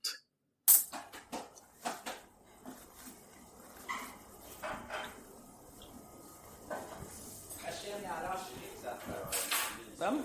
Arash. Det vet jag inte vem det är. Han är iranier. Alltså, och jag menar liksom... Jag såg det inlägget. Det var, det var liksom inte ens ett in... Det var, han bara diskuterade yttrandefrihet och nämnde det namnet och blev avstängd. Det Jag tror inte att det var därför. Alltså vad du tror det... Ja, då är det massanmälning i så fall. Men det är inte, han bryter ju inte mot några regler. Nej, man behöver inte bryta mot några regler. Det räcker att man det är tillräckligt många som anmäler. Jag vet massa mellan. Jag, jag, jag, har, jag kan säga så här. Tim, jag vet att Tim har tre Facebook-konton. Som Jag vet. alternerar mellan. jag vet. För att han blir avstängd hela tiden. Ja. Så att, liksom att, det, att han kan göra vad som helst utan några repressalier, det är inte sant. Nej, men det är jag har samma- spenderat... I år har jag fått fem stycken 30 dagars Facebook-bans. Ja. Så att liksom, det är inte ett problem. Ja. Det var det enda vi pratade om gällande massanmälningar. Men absolut, det är jag som har bekräftat att folk sitter i hemliga grupper och anmäler saker. Det är ett jävla äckel! Ja, men det är väl som lie. Ja, Åh, nej, jag vet inte. Jag, jag, jag känner mig klar med det här nu. Alltså, Ja, jag, jag, är, jag är done. Jag, jag känner att eh, vi har eh, pratat konstruktivt och objektivt som vi alltid gör. Särskilt om gardet. mm. Eh, väldigt mycket om Luai Ahmed. Och i synnerhet om Jonas Hållén. Fair and balanced. facts and logic. Mm. Destroyed! Åh gud, jag råkade gå in på Ja, Facebook hade- och såg, såg Jens Ganmans senaste inlägg om att vi lever i ett inbördeskrig. Åh, jag orkar Ja, inte. Åh, jag orkar inte. Det låter ja. jobbet. Ja, jag tänker inte ens. Jag tänker lägga upp det i haveristerna-gruppen. Vi har alltså en Facebookgrupp för er som har missat det. Eh, som är kopplad till våran, eh, våran Facebook-sida. Som man kan gå in i. Och titta på klandervärda saker som olika lyssnare lägger upp mestadels. Och ibland så gör vi lite gästspel där också. Mm. Ja, nej vänta, det är mer! Mm. Åh, dels är det en kommentar här från Kjell. Utmana dem på duell i gryningen så får alla se hur mycket kallt stål de tål. Oj, det låter Är som ett det- mordhot. om- Det låter som ett förtäckt hot det här. Mm. Men då, det är, så, det är så vackert för att det här visar precis varför Kom till Gullmars är den optimala clapbacken. Vad tror Mm. ni jag svarat till den här horungen? Kom till Gullmars. Kom till Gullmars. Två veckor senare, tror ni att någon har skrivit ett skit till i den subtråden? Nej, det är klart de inte har det, för de vet att jag har två stridshammare i solitt stål här. Och de kan fan gå som åttor över de där jävlarna om de kommer hit och är uppkäftiga. Kom du med ditt kalla stål, det finns här med, det är inga problem. Mm. Idiot! Åh, Alltså- gud, nu stängde jag de här flickarna för jag orkar inte se mer. Ja. Jag skulle egentligen... Jag och Jonas Hållén hade en mycket nära vän på Facebook gemensamt. Mm, den mycket nära vännen, jag, jag tänker vara otroligt gentil och inte säga vem det är. Men den mycket nära vännen är en offentlig person. Eh, den mycket nära vännen eh, unfriendade mig. Dig? Mm, Oj. för att han trodde på liksom alla Jonas lögner. Jaha, mm, okej. Det var inte Eh, din vi ska nära se vän jag här. trodde. Nej, nej, den nära vännen du tror på unfriendade Jonas. Ja, det var så jag kom ihåg det. Mm, okej. Mm. uh, nu ska vi se här. Mm, mm, mm. Och Jonas och vår före detta gemensamma vän, de har tydligen haft någon typ av kommunikation. Eh, så här skrev Jonas till mig när jag ifrågasatte det här med att jag har svikit någon slags förtroende genom att offentliggöra och spela in det här samtalet när det skulle vara privat. Axel Lo läs vad du själv skrivit i skärmdumpen högre upp i tråden. Och kolla din vänlista. Till och med en av dina vänner som du borde vara mån om lämnar dig nu. Och det här är ju kul för att vi hade ju en annan gemensam vän som anfrändade honom. Och det sa han i vårt samtal att det skiter han fullständigt i. Vad fan, jag kan dra åt helvete. Varför ska jag då bry mig om det här? Det är så dumt. Då svarar den här mycket nära vännen. Det är nog fler vänner som försvinner. Jag gjorde det redan igår så fort jag fick reda på detta. Detta har inget med ideologiska skillnader att göra, utan att inte kunna bära sig åt som en människa, utan som ett svin. Och det ska jag säga dig. Den här jävla hycklaren. Han, han skrev någon idiotisk post. Och då var, vad fan heter han, Per, eh, Per Björk, Björkman, Björk, Björk, Björkman. Han från Nya Tider. Ja, Björkman eller något Vad heter där. han? Kom igen. Per Bjö. Bjö. Ja. Nej, för fan, nu måste jag leta upp honom bara för det. Per Björklund. Per. Björklund. Ja. Per Björklund som har, eh, vad är det? Tribunalherre, Finspång eller någonting annat nazistiskt. Som sin Facebook, sitt jobb på Facebook. Som också arbetar för eh, den extremhögertidningen eh, Nya Tider som drivs av eh, extremhögerveteranen Vavra Suk. Mm. Och han är också förintelseförnekare som inte kan svara på en rak fråga, ja eller nej, har förintelsen skett? Mm. I den tråden så kommenterar den här jävla Per. Och då hånade jag honom som jag alltid gör när jag ser honom på Facebook. Och så så kommenterade jag att du är en, Facebook, eh, du är en nazistkollaboratör, hur känns det? Är inte det lite jobbigt? Då raderar den här människan min kommentar, skriver i PM till mig och frågar vad jag har för belägg för att Per skulle vara nazistkollaboratör. Och det här är en person som har god insyn i svensk högerextremism. Han vet mycket väl vem Per är. Han vet mycket väl vem Babra Suk är. Han vet mycket väl vad Nya Tider är. Jag, Men det var tydligen inte okej, så får man inte säga. Nej, men Men att den här jävla idioten- extrem autonom vänster. Ja, all den här andra skiten som står här, det går bra. jag säga- Din jävla kackerlacka. Mm. Jag är så glad att han har friendat mig så att jag fick veta vilket svin han är. Per Björklund har ju för övrigt också varit Ja. med i Hur kan vi? Eh, såklart. Ja, det är klart han har det. Och, eh, I avsnittet Hur kan vi prata om yttrandefrihet? Åh gud. får jag säga Och det en är en sak? nazistkollaboratör. Jättebra. Jag vill prata om Det en sista grej. För att jag inser att Mm. det här är inte så långt. Men vi behöver ett Mm. avslut på det. Vi kan inte göra det till ett Patreon-exklusivt och vi har varit borta länge. Och pallar ni med en Jag kan 20 do it. Jag känner att jag är on fire nu när jag har fått rätt ut den här jävla oförrätten. Men nu är vi klara med Jonas Hållén. Bli Patreon och lyssna på hela avsnittet. Sen kan ni ta bort Patreon. Vi har, vi har, vi har mycket oförrätter att reda, reda ut under hösten som kommer. Men en grej som har legat och hängt i luften, som flera av er säkert redan vet utgången på. Vi har ju uppmärksamma Anna-fallet, alltså eh, fallet där en mamma kidnappade sitt barn och påstod att pappan var pedofil. Och eh, vi har folk, haft folk på plats i, vid rättegången och så vidare. och så vidare. Och, och konkret, enkelt, pappan är ingen pedofil, mamman är eh, skogstokig och eh, ljuger som en borstspinnare. Där, domen har ju fallit i det här fallet och det kom ju inte till mammans fördel. Hon åkte på, hon kidnappade sonen och fick villkorlig dom och så vidare. Och det har hänt lite sedan dess. Eh, mamman har blivit allt mer utåtriktad. Hon har sprungit, till, hon har varit på dagiset och krävt att få vara med sitt barn och de har tvingat bort henne därifrån och så vidare. Och nu ska de upp i, jag tror att det är typ en nytt sånt här vårdnadsfall där hon kommer att åka på dyngstryk. Och under tiden, eh, sen allt det här har hänt, vilket avsnitt är det Axel? Du som är idiot Ja, det som Anna-fallet, det minns jag inte. Nej, men jag är inte Ja. Daniel Hermansson. Nej, okej. Nej, du är inte Daniel Hermansson. Nej. Jag är för gammal och dement. Skrattar du? Ja, jag har tagit bort den från Förlorar plats med allting om Jonas. Men jag ska lägga till den till nästa avsnitt. Det, alltså, jag tänker inte läsa igenom allt den här tingsrätten har skrivit. Hon åkte på dyngstryk. Eh, hon har visserligen överklagat den här domen nu.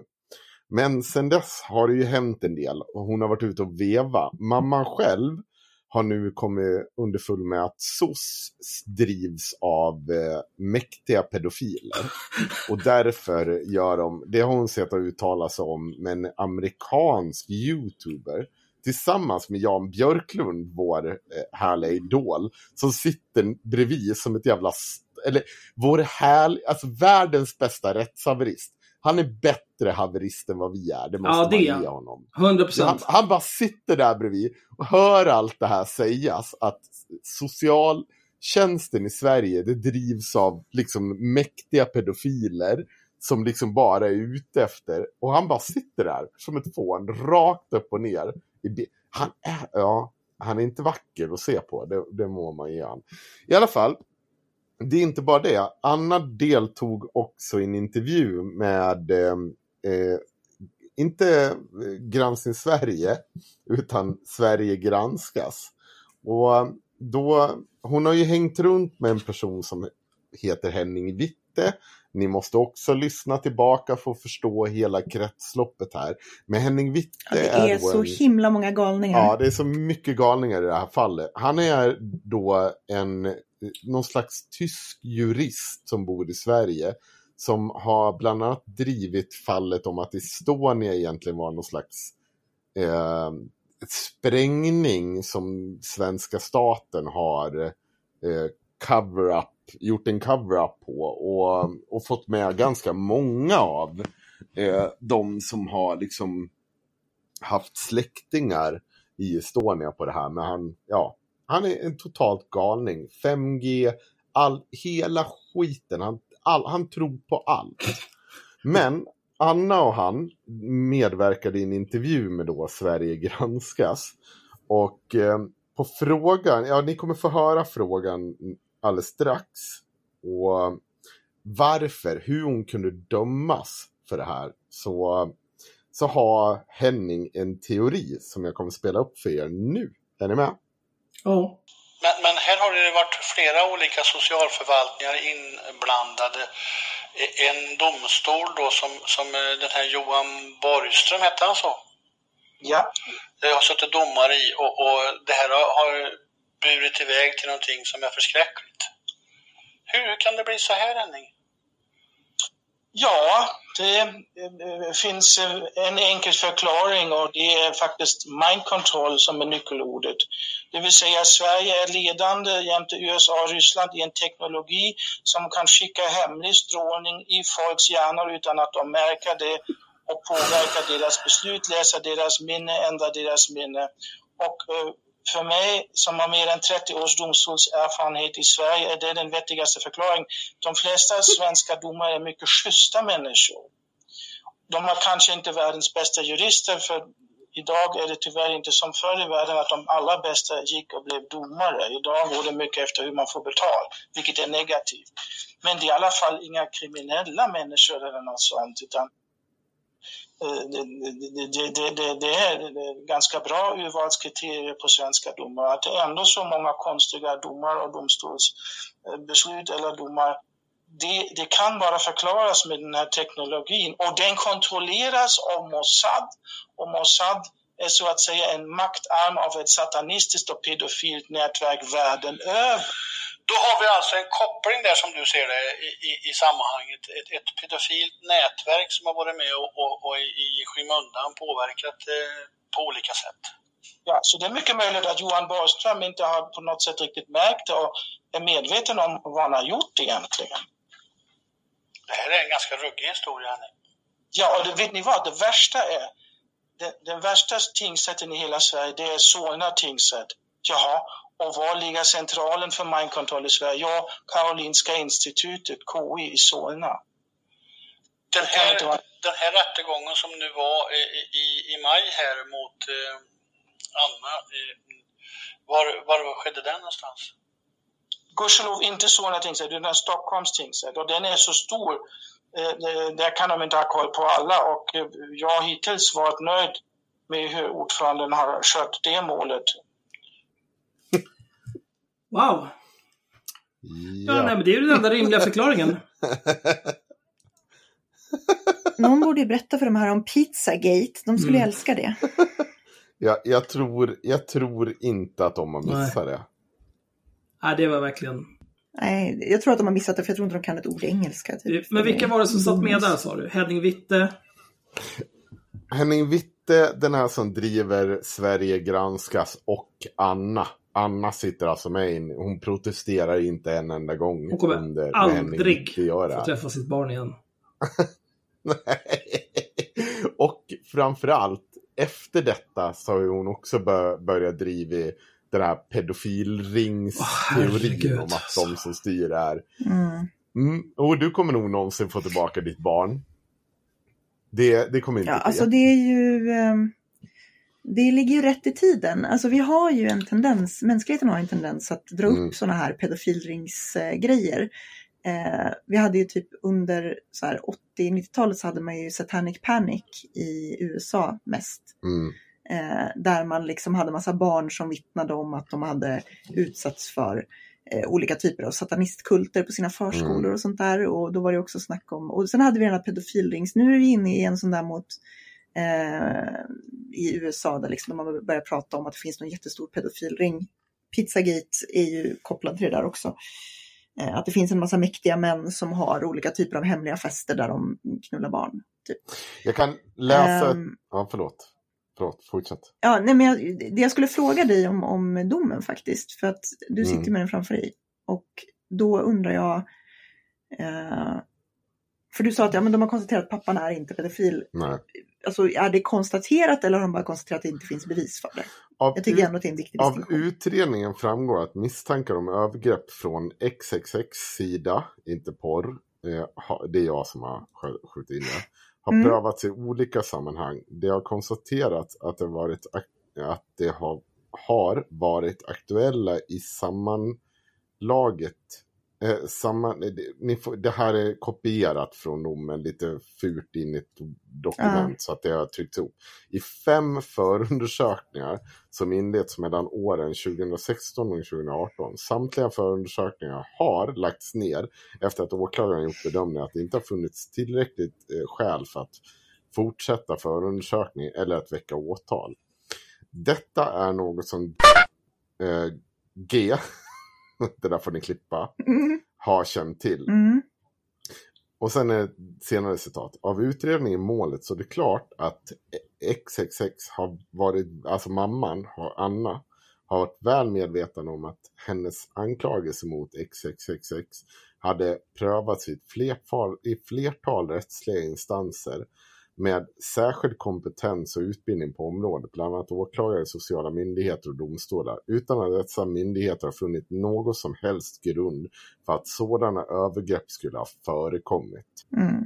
Jag tror att de, alltså det, Ja. fi, nej, det finns liksom ingenting att diskutera. Jag kan med 100% säkerhet, eller man kan aldrig med 100% säkerhet, men man kan säga så här att det finns ingen anledning att den här pappan ska vara liksom pedofil. Och Misstänkt. det är ju, Nej. Nej, det, det, det, det är lagt åt handlingarna nu. Det är så mycket som har gått igenom. Och de hakar ju nu än en gång upp sig på den här mammans sida och alla de här rättshaveristerna och Bry. De fortsätter ju haka upp sig på att nej men vi har ju inte prövat det här. Jo, det har prövats. Och så menar de på att men det har inte prövats i det här fallet. Nej, men det här fallet bestod inte i att pröva om pappan hade begått För övergrepp. 38 gången. Det bestod i att, Nej. ja, det bestod i att eh, konstatera att morsan hade kidnappat sitt eget barn på ett olovligt sätt. Och det hade hon gjort. Mm. Det fanns inga förmildrande omständigheter. För att de förmildrande omständigheterna, det har redan prövats. Det är inte sant. Sluta ljug, din jävla dåre. Men hon, det som är Mm. konstigt nu med den här Anna, och vi ska fortfarande blipa det, men nu framträder hon med, med sitt eget ansikte och fortsätter anklaga pappan. Hon är också dömd för förtal nu. Men nu äh, framträder Mm. hon med ansiktet tillsammans med Jan Björklund, fortsätter anklaga pappan för det här. Så hon kommer ju sannolikt bli dömd för förtal igen, för det är ju lätt att identifiera för alla som är på dagis. Om de råkar se det här så vet ju de vem pappan är, för de vet ju vem barnet är. Mm. Och så ska vi inte glömma av att det var Elaine Eksvärd som tog strid för den här jävla galningen. Och hela det Mm. gänget. Glöm aldrig det. En av de här stora influenserna. Har ni några frågor på det här? Nej. Det, jag, jag tycker att det var Nej. ganska... Det är glasklart. Jag, jag ska inte vara långrandig. Ja, nej, men det var väl skönt att få knyta ihop den säcken kan jag känna. För Mm. det var ju ett väldigt intressant eh, avsnitt med alla de här galningarna som är inblandade. Vi Mm. konstaterade väl att de var galningar, men eh, ja, det, det, det har inte blivit bättre. Men det, det sjuka är egentligen fortfarande att alltså så här, det har varit så högprofilerade personer inblandade i det här. Och det har fortfarande Mm. inte nått liksom ja, med mainstream medias ögon. Jag tror inte att det är en stor konspiration, men jag tror att de missbedömer liksom vad, att det, det finns media idag som borde ha kollat upp det här. Det finns media som borde ha kollat upp, vad fan var det Elaine Eksvärd gjorde? Hon är en profil på TV4. Liksom, var, varför är det ingen Mm. som hanterar det här? Men jag tror så här, om jag ska, om jag ska killgissa lite så tror jag också att det är en enormt, alltså så här, det är en enormt touchig grej att ta i. Därför att det handlar om ett barn som då potentiellt har utsatts för övergrepp. Eh, och jag tror att det är väldigt svårt för folk att ta i det och liksom börja Alltså, även om vi var väldigt tydliga när vi pratade om det eh, med att så här, ja, men vi säger inte att det här inte kan vara, alltså det, det, här, det kan vara så att det här, det här barnet har utsatts för övergrepp, det kan vi inte säga någonting om, men det vi kan konstatera är ändå att eh, mamman har agerat helt uppåt väggarna i det här. Mm. Eh, men jag tror att det är väldigt, väldigt svårt att göra det för att som media, eller som vi, jag menar, se att den här pojken om tio år går ut och bara, ja, ah, jag utsattes för övergrepp av min pappa och media eh, svartmålade min mamma som försökte rädda mig. Liksom. Det är inte en sits man vill sitta i. Så jag tror att det är därför man väljer att inte prata om det och kritisera det. För att det är lättare att bara vara tyst om det. För att annars så finns ju risken att ett offer kommer tillbaka och anklagar en sen. För att man inte har. Eh, det är lite som man kan se med liksom i metoo också. Att så här, okej, eh, det är inte så jävla poppis att gå ut och försvara anklagade våldtäktsmän. Ehm, därför att, ja, det är svårt helt enkelt. Alltså även om man går ut och säger jag gör det här för att det är det rättssäkra att göra. Så finns ju fortfarande risken att det kommer ut offer och bara, ah, fast jag blev våldtagen. Och då ser man jävligt illa ut, även om man inte gjort någonting fel. Her, herregud vad Jens Skarman är CP, det du la upp i gruppen. Ja, jag vet. Det där är ju Ja, super jag vet. Jag är på efterblivet. Det där är ju... Alltså det, det är ju så eskalerande. blivit- Ja, det är ju... Nej. Det är den här eskalerande, bara, "Ah, vi är mitt i ett inbördeskrig. Mm. Man bara, fast hörni, sluta. 6000 jävla likes har han fått. Ja. 6000 likes. Alltså folk, folk som tror att vi är mitt uppe i ett inbördeskrig, flytta härifrån. Ni, Det är inte ens en sök promille i Sverige, annanstans. Du får komma ihåg det. Jag vet. Det är inte ens en Jag promille i vet, Sverige. men alltså. Nej, jag vet. Och jag menar, det är, men ändå. Så den här andra jag la i haveristerna-chatten, det var också lite kul, apropå Erik Björklund. Ja, Och hur kan vi? nej. Jag eh, hittade ju den och så tittade jag på den och så har han skrivit så här, det är roligt med tanke på att Erik Björklund då är någon sorts, eh, någon sorts nazist. Eh, denna vecka gästas av Per, per Björklund som är journalist för tidningen Nya Tider. Samtalet inleds med att reda ut huruvida Nya Tider är en rasistisk tidning eller inte. Samtalet fortsätter kring assimilation, dagens invandring och att skapa ett homogent samhälle. De båda pratar även om fenomenet yttrandefrihet. Hur fungerar yttrandefrihet i praktiken när Sverige blivit ett så mångkulturellt samhälle? Får vi verkligen säga vad som helst? Och så här kommer sista stycket, det här är det Mm. bästa. Navid frågar dessutom Per om han hade fått chansen att vara statsminister för en dag. Vad hade han gjort då? alltså det är så sjukt. Fatta att sätta det med liksom en nasse i en podd eh, och bara så här. Vad skulle du göra om du var statsminister för en dag? Typ som att han var någon liten så här, femåring som satt i, i eller så här, en elvaåring som satt i vi i femman. Ja, det är så absurt. Mm. Men det här är ju det är precis sånt här som gör Navid Ah. till den sämsta människan på jorden. Näst efter alla andra som är värdelösa. det är många. Ja, Ja, det är många. det, det, det är ett jämnt Mm. lopp. Kan, Mm. vi, kan vi. Ehm, Många schatteringar av klandervärdighet. Ja, nu får du fan. Två timmar och 35 minuter. Känner vi att vi är nöjda med det? Mm, och det kommer klippas ner lite, så det blir nog bra. Säkert. Det säger du alltid men det gör typ aldrig det. Det försvinner Ja, tio minuter tror jag skulle jag tro. Max. Ja, men det blir strålande. Eh, Bli Patreons. Och så får vi återupprätta ordningen och snart är vi där. Bahamasresan. det blir inga Bahamasresor. Ja, vi har ju lovat, utlovat får- merch Ja, tror det jag. var det dummaste vi har gjort i hela... Får jag bara på konst... Det här, Nej, men nej, det här nu är räcker det. Jo. Ja, Nej, nu räcker det. Nu har jag fått nog. Nu, Mm. Det här det känns här är som en publicistisk diskussion som vi Jag måste ta bakom lyckta dörrar. Det här ska inte barnen behöva höra. Mm. Eh, jag behöver Ja, nej, gå på toaletten, borsta tänderna och gå och lägga mig. Ha, vet, jag har inte kissat under hela Nej, den det är duktigt gjort. Har du kissat ner Det är dig? någonting som hänt med min... Ja, gud. Har du skaffat kateter? Nej, prostatacancern tror jag har gått över bara i största allmänhet. nice. Mm. Du kanske dricker för lite? Mm. Ja, det är nog ett problem. Ja, hörde ni inte, det här måste vi Ja. ta, hörde ni inte vad som hände när Axel var här på min födelsedag och jag skulle gå upp på morgonen och blåste över en promille klockan 12. Klockan halv, nej tre, när jag började diskutera om vi skulle, jag skulle lösa skjuts åt Axel, där, då blåste en halv promille. Det, Ax, grannen fick skjutsa in oss. Det var vänligt av dem. Det var så det slutade. Ja. Det är tur att andra tar ansvar Mm. när du inte Nej, gör det det. var, det var, jag var förvånad själv. Att jag kunde vara så full när jag var dagen efter. Och att jag bara vaknade och var så här lite så här. Allt är okej. just när jag vaknade. En timme senare var inte allt okej. Men Du måste ju ha varit pissfull Ja, fortfarande. det var det kan inte ha varit bra. Nej, det men jag var så här lite vimmelkantig. Ja. Och var bara tyckte att livet var bara Men så där lång tid senare, man har Det sovit också, då har man ju sovit ruset av sig. Då är man ju bara liksom full. Ja. Det är liksom, du sätter dig i en bil, du kör rakt ut för ett stup, även om du står mitt på en öken. Liksom. Det, är, det är inte bra. Nu får det vara nog. Nej. Nu vill jag gå och lägga Nej. mig. Ja, Eh, natt och natt. puss och kram, kära lyssnare, så hörs vi snart igen och... Eh, ja, ni vet. Okej, bara hej.